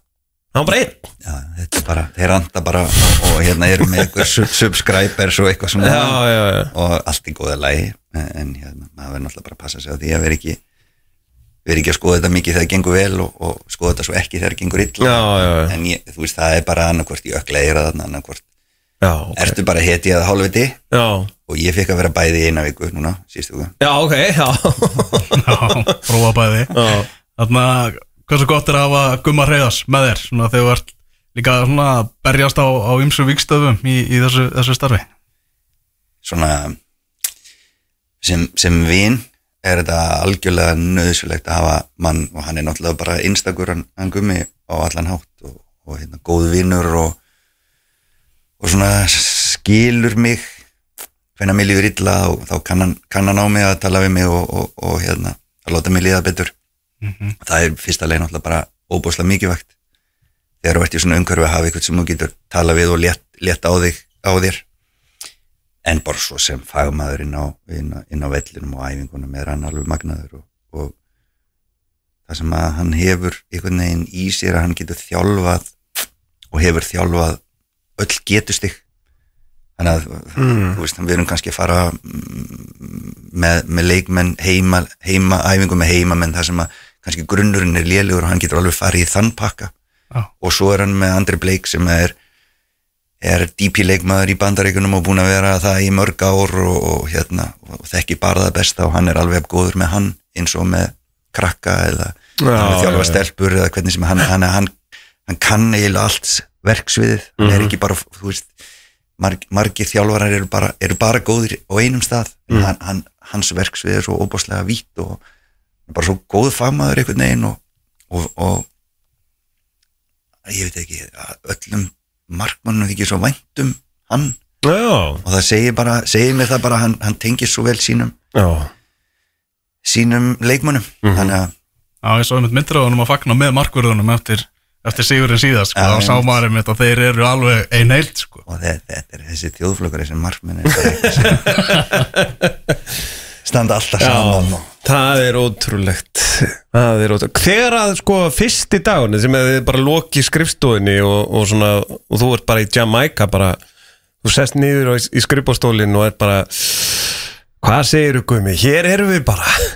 Hvernig var svona eh, var ekki, var ekki Argentínu fyrsta leik? Áttuðu ekki, var það ekki spiluðu ekki Argentínu fyrsta leik eða var það eitthvað Jú, annað? nei, nei, við fengum spur, spurt bara hvað hérna hvort að við vildum vera þjálfarar og, og hérna, við sögum bara þegar við sögum já, þá hérna þá sögðu við næsta já, við nefnilega leikum við Argentínu eftir viku. Og við þekktum ekki einn einasta leikmann í Jamaica. Mm. þannig að þannig að þetta var svona smá, var smá brekka. Það var smá brekka. Já, ég bara, ég trúi en, en skrifstofan þannig að skrifastóllum var náttúrulega bilaður þannig að hann, hann segi alltaf niður. Já þannig að skrifstofan er ekkert sérstök sem, sem við fengum En aðst, allar an, sko, aðstæður þarna, ég meina, þú veit, bara Vestmannegar, það er aðstæður eins og það er, íslenska landslið, ég meina, ef það myndi hefði komið þetta úrhelli sem að þið fenguð, það völlurinn getur ekki drenað og allt þannig, þú veist, er þetta frumstæðar aðstæður þarna, eða er þetta, þú veist, eru þið að, að, þið þurfið væntalega ekki hitta pulsuna, til dæmis, en þú veist, hvernig, hvernig er þetta? Nei, vellirnir eru sko illa viðhaldnir. Það lélegt viðhald á, á öllu þarna og þeir eru bara vanir að spila á grjóthörðum óslittum völlum. Mm. deildin, hún, hún endur spekla svolítið vellina það er að segja. Menn þurfa oft marga snertingar á boltan og það hægir á leiknum og það verður miklu meira af löngum sendingum og svona að vera að berjast um bolta því að það bara er hættulegt það er að segja að spila boltanum milli markmanns eða varnamanna það bara skoppar illa og bara út af hita og öðru þá er erfitt að viðhalda öllum að halda þeim góðum nema að það sé bara alvöru vinna lögði í það mm. og alvöru vinna þýðir peningur og það, það er bara, hann er að skortna skamti já, já, já, já. Mitt. Hvað er næsta dagskrá hjá, hjá þér sem, sem landsistelvani? um, ég ætla að reyna að taka desember svona aðeins fyrir sjálf mig. Mm. uh, ég verður vonandi hérna á Íslandi við þurfum reyndar að fara til Miami að draga í þessum þessu Copa America. Já, það er í byrjun, byrjun desember. En vo- ég fæ, ég fæ desember til að vera hér á Íslandi og svo hefur mánu, janúar mánuður alltaf verið hugsaður sem svona mánuður fyrir heimamenn. Þannig að við, við munum taka æfingabúðir skoða leikmenn e, í Jamaica spila leiki með, með heimamennum um, janúar kannski hálfur februar og svo fyrir við náttúrulega bara undirbúa þetta þetta þessa þjóðadild undanústild mm. gegn, gegn bandaríkanum þið farið ekki til Miami í janúar að hitta íslenska landsliðið? Nei, það væri nú, það væri nú gaman. Þó það væri nú ekki nú bara til að til að stríða sig að dúlu eitthvað. En, Nei, það væri, það væri gaman en, en nei, nei, við erum bara í öðrum hugsunum í, í janúar. Við erum að hugsa um heimamennina og, og spilum þá freka við mm, þjóður í, í Karabíska hafinu Mm -hmm. Ertu að fylgjast grann með íslenska landsliðinu eftir að þú lest að störum? Nei, ég verð nú vilja segja það, ég bara hef voða lítið, það, það er alltaf á sama tíma en við höfum svona reynd að horfa á horfa á leikina ef við getum við gummi en við, við meður það bara ef ég ekki sé nógu mikið ég hef yfirleitt lent á setni hálfleik og það er yfirleitt léleiri hálfleikurinn hjá Íslandi þannig að þannig að maður missir alltaf að þessu góða Já. Það er margt gott uh, sko, fínt að horfa á fyrirjáleikin sko. Það er góðið það sko. En nei, nei, það er bara ég, ég held að þetta sé alltaf alltaf svona jákvæðari hátt og mér finnst og ég hafa, hafa verið góð kostur. Hann hefur margt held ég gott fram að færa. Það sem að, þó, þó ég sé ekki kannski að fylgjast með þá. Hef ég hitti hann tvisa þrísvar á, á námskeiðum og svona og hann er ok. Já, Já. bara góður, bera sér góðan þokka Hann og ég gerir það. þessi góð, góðu maður allan átt Já, mm Nafniðin Heimi Guðjónsson sagði nú í viðtali núna með eh, MPL í, í vikunni að svona kallaði þetta meiri jákaðni kannski í kringum landsliði svona meðan þessi vinna var í gangi veri verið að, að smíða saman eila, eila nýtt lið. Er ekki hægt að taka undir það? Jú, endilega og bara þetta er landslið okkar og við höfum ekkit annar landslið til að styðja þannig að hvernig sér gengur þá, þá eigum við auðvitað alltaf að styðja landslið okkar Það er algjörlega þannig. Þannig að Liverpool að tapa fyrir, fyrir City sem stendur, þú ert náttúrulega Liverpool maður Heimis? Já, já, við, við býðum, við erum setni álegslið sko. Já, hvernig líst þér á, á púlarana í- á þessu tímabili? Talandi um að byggja upp nýtt lið, náttúrulega glöpp Já. og að byggja upp nýja miðju. Bara, lýs bara vel á þetta. Ég, ég reyndar, hægri bakurinn fer alltaf í töðunar á mér, mér finnst hann að vera slagur varnalega trend. Já. Og allt og mörg lið sem að spila upp á það mm um, en ég held að held að Klopp viti alveg meira heldur en ég um þetta lið og hann er alveg hérna, ég trist honum alveg til þess að velja, velja þetta lið og, og það sem hann hefur gert núna bara á stuttum tíma að koma öllum þessum leikmönnum inn í, inn í kerfið og búið að vera svolítið svona ræringar í áöllu, missa leikmenn og, og annað þannig að ég bara er bjartur, ekki bara verið þetta ár heldur bara svona næ- næsta ár. Já. Veitu, Hvað ertu með marga í landsliðið Jamaica sem er í, er í? Já, það er nú hans sem margir, við erum með mm, Bobby Reed í Fulham, við erum með Ethan Pinnock í Brentford, við erum með Antonio í Vestham, við erum með um, sjá, við erum með Amari Bell í Luton. Um, hvað var fleira, það? Eru nú einhverju fleiri? Svo erum við með hans sem marga í, í Championship líka. Þannig að Þannig að við, erum, við getum alveg stilt upp 11 manna liði sem var að spila í eftir tveimur deildum í Englandi. Ah, okay. Er hérna, þú veist, Mikael Antonio hann er náttúrulega með eh, podcast og ásamt hérna Callum Wilson og, og einhverjum fleirum hérna virkar mjög skemmtilegu maður e, þú, vestmannegingar eru nú flest allir miklu meistarar hvað hérna, hvernig eru þið að ná saman og er þetta jafn mikil snillingur og hann hljómar Já, hann er óskup bara hreitn og beinn og og hérna bara gaman að vinna með svona svona fagmönnum. Hann er bara persónu eins og allir aðrir og, Já, og, og hérna þú veist, vill, vill eiga sitt persónulíf bara eh, eins og við öll. Og, og hérna en gaman bara, þú veist, að fá svona mann sem leggur sig alltaf fram. Já, og, og hann hafi ekki verið að skora mikið fyrir okkur þá, þá tekur hann alveg óbúslega mikið tísin og opna svæði fyrir aðra. Mm og það sama sem hann er að gera fyrir vestam uh, átti öruglega ekki að spila eins mikið og hann er búin að vera að gera því að þeir, þeir, þeir hérna þeirra framherjar hafa verið svolítið hafa verið mittir og, og, og svo, svo selduðu skamakka og gátt ekki kipta annan í staðin hann líklega átti hann ekki að spila eins mikið og hann, hann hefur verið að gera. Og það, það tók sinn tóll hann, hann mitti sig í, í nýjanu núna og verður kannski tvær viku frá eða eitthvað. Já, já, já. kemur sterkur inn í podcastið. Það er bara þannig. Hann mætti sko ekki einu svona daginn að átt hann einhvern hörmulegan leika fyrir vestam og mætti ekki í podcastið sko. Sjá sjálfur sér. Já, sjálfur sér. Hann ræður. Hann ræður. Það ætti að vera, vera, vera lítið, lítið mál sko. Það er að fylgjast eitthvað með bestu deildinni á einhverju viti? Hérna heima? Já, Ná, ég, nei, ég gerði það búa lítið. Ég, einu svona einhvern veginn þannig að ég, þegar ég kem þá reyni ég að hjálpa. Já, að skipta, það eru svona tveir hópar í Vestmannu það er annars vegar þeir sem að vilja drulli yfir þegar það gengur illa og það er bara uppselt í þann hóp. Þannig að ég fyrir bara í, í, í, í hópin að reyna að hjálpa og aðstofa hvað sem það er leikmönnum eða, eða þjálfurum eða stjórninni eða eitthvað svo liðis þannig að e, nei, ég, ég held ég að verið þarna tvær vikur, þrjár vikur út í eigum mhm. Eh, þegar ég hafði ykkur tíma og ég, ég gat bara að lítið einbytt mér að, að því að það fylgst með því. Já, þú segir ekki svona hvað, hvað mikilvægast fyrir IPVF núna til að reyna að svona re- reisa sig upp aftur það er að fá samfélagi með og, og kalla þetta svona meiri jákvæðan í kringum, kringum lið Já, já, svo erum við náttúrulega með við erum með handbóltan og þeirra að vera að gera mjög vel.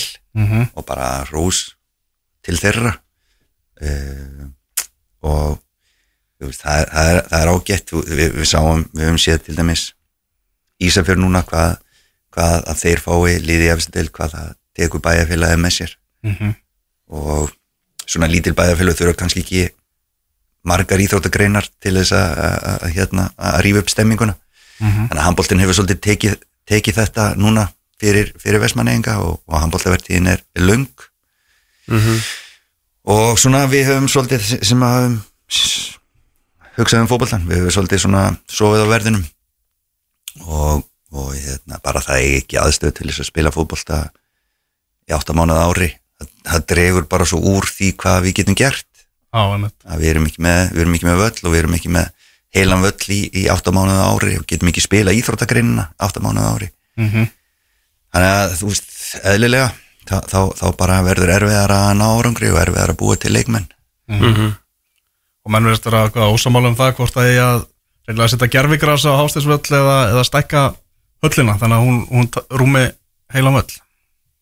Ég held að það komi bara ekki til, til greina að- að að stækka höllina bara, það, er, það er dýrara heldur en hitt þannig að það var aldrei, er aldrei í bóði bara þeir sem að uh, stjórna þessu hafa bara svolítið sofið á verðinum og, og hérna ég veit ekki hvort að þeir sé að reyna að spara sér eitthvað með því eða, eða hvernig sem það er en, en allavega á meðan ekkert gerist að þá dregst bara fótboltin aftur. Og, og hérna ef að það er það sem að þetta fólk vil þá, þá er það hefnast.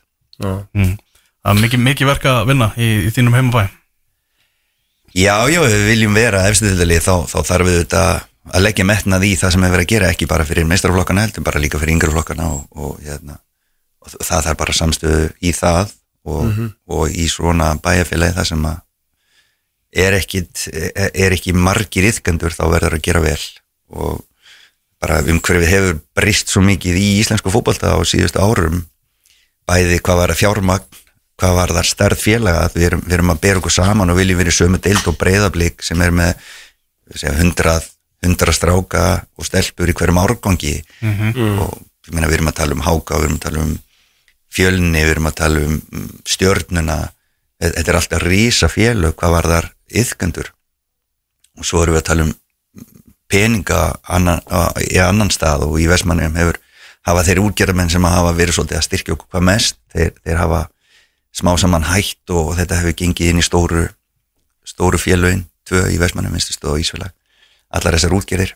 Þannig að fjármagnið mun minna og svo kannski það sem skiptir mestu máli er það að svo hefur svona samlegar áhrifin hjá félögum eins og Keflavík ef einhverju góður á Suðunisjum þá fara þeir í Keflavík af því að þeir eru alltaf í, eh, einhvern veginn í efstu deildinni.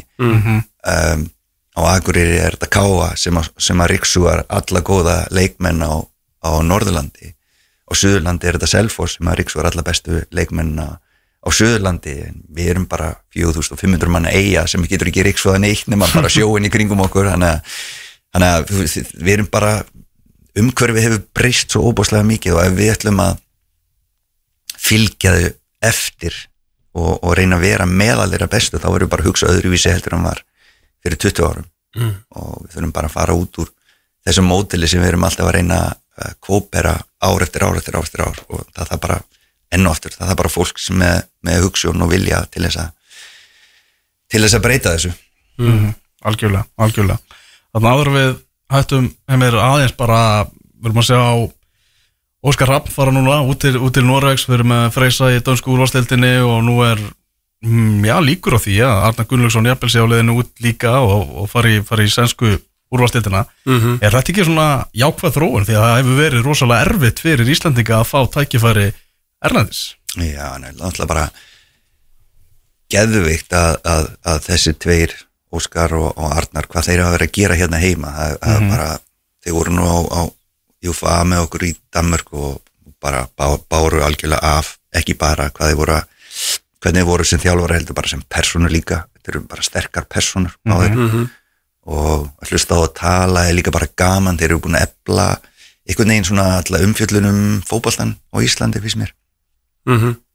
ásann ásan mörgum öðrum en, en þeir, mér finnst þeir hafa svona hvað þeir hafa gert pluss hvernig persónu þeir eru mér finnst þeir eiga þetta bara skilið ef að það er það sem ég vilja að fara, fara elendis Mhm. um, og svo ertu náttúrulega með freysa sem að ég þekki náttúrulega mjög vel og, og veit að það er alveg uh, verðskuldar allt það sem að hann hefur verið að gera og ég veit að hann vill verið í Danmarku það var hans í rauninni hann stemdi á það að komast þangað Mhm. um, ég skildi aldrei akkur í Danmörku en ég meina konan er dönsku kennari og, og hérna þau bara þeim líkaði vel í Danmörku þegar þeir voru þar þannig að mér, mér finnst bara frábært hvað hann er að gera í, í Danmörku og vonandi, vonandi bara hérna, heldur hann áfram að gera góða hluti þar. En, en auðvitað er þetta gaman fyrir okkur sem þjálfara að sé opna smá glugg Já, og, og, og, og því fleiri sem fara og því, því fleiri sem gera vel því meiri möguleiki á að næsti komist inn líka. Mm. og við svona, það, það þarf all, alltaf ykkur til þess að til þess að riðja brautina og það eru þjálfarar úti við þetta líka sem hafa kannski ekki verið í efstu deildunum en Túfa hefur verið aðna núna mm -hmm. Brynja Björn fór aðna út og svo framvegist þannig að við erum svona að komast held ég við svona þróun. orðspor okkar er aðeins að held ég að verða betra heldur en, heldur en var og eðlilega og ég sagði oft þegar ég var spurður af hverju ekki ykkur stóri lið þegar að lið þegar að lið kostar 100.000 miljardar lætur það í hendin á einhverjum sem er að koma frá amatör uh, eða áhuga manna deild á Íslandi. Þú veist uh, þetta er náttúrulega þetta er rísa verkefni að aðtunum manna liði því þetta er, þetta, er, þetta er ekki bara það að vera þjálfari þú ert, þú ert rauðlega svona yfirmaður yfir ótrúlega miklu fjármagni og, og, og, hérna, og fjárfestingu. Þannig að eðlilega eru menn hrettir í, í hvaða hendur þeir, þeir setja svona setja svona hluti eins og, eins og stóri lið. Mhm. algjörlega, algjörlega. Erum við erum sprungna á tíma? Klukkan orðið tvö framlenging í gangi hjá okkur. Heimir bara frábært að fá þetta takk hjá fyrir, að- fyrir að koma. Viðbóta Takk sem leiðis Ekki bara? Hvað sér ég? Ég segi að þetta var alvöru viðbóta tími Uppbóta tími heldur betur. Við varum hérna aftur uh, að viku liðinni heldur betur, Manchester City ennþá að vinna Liverpool 1-0 73 mínútur á klukkuna. Það er eitthvað sem segir mér að það verði eitthvað dramatík á loka kaplan takk fyrir að hlusta í dag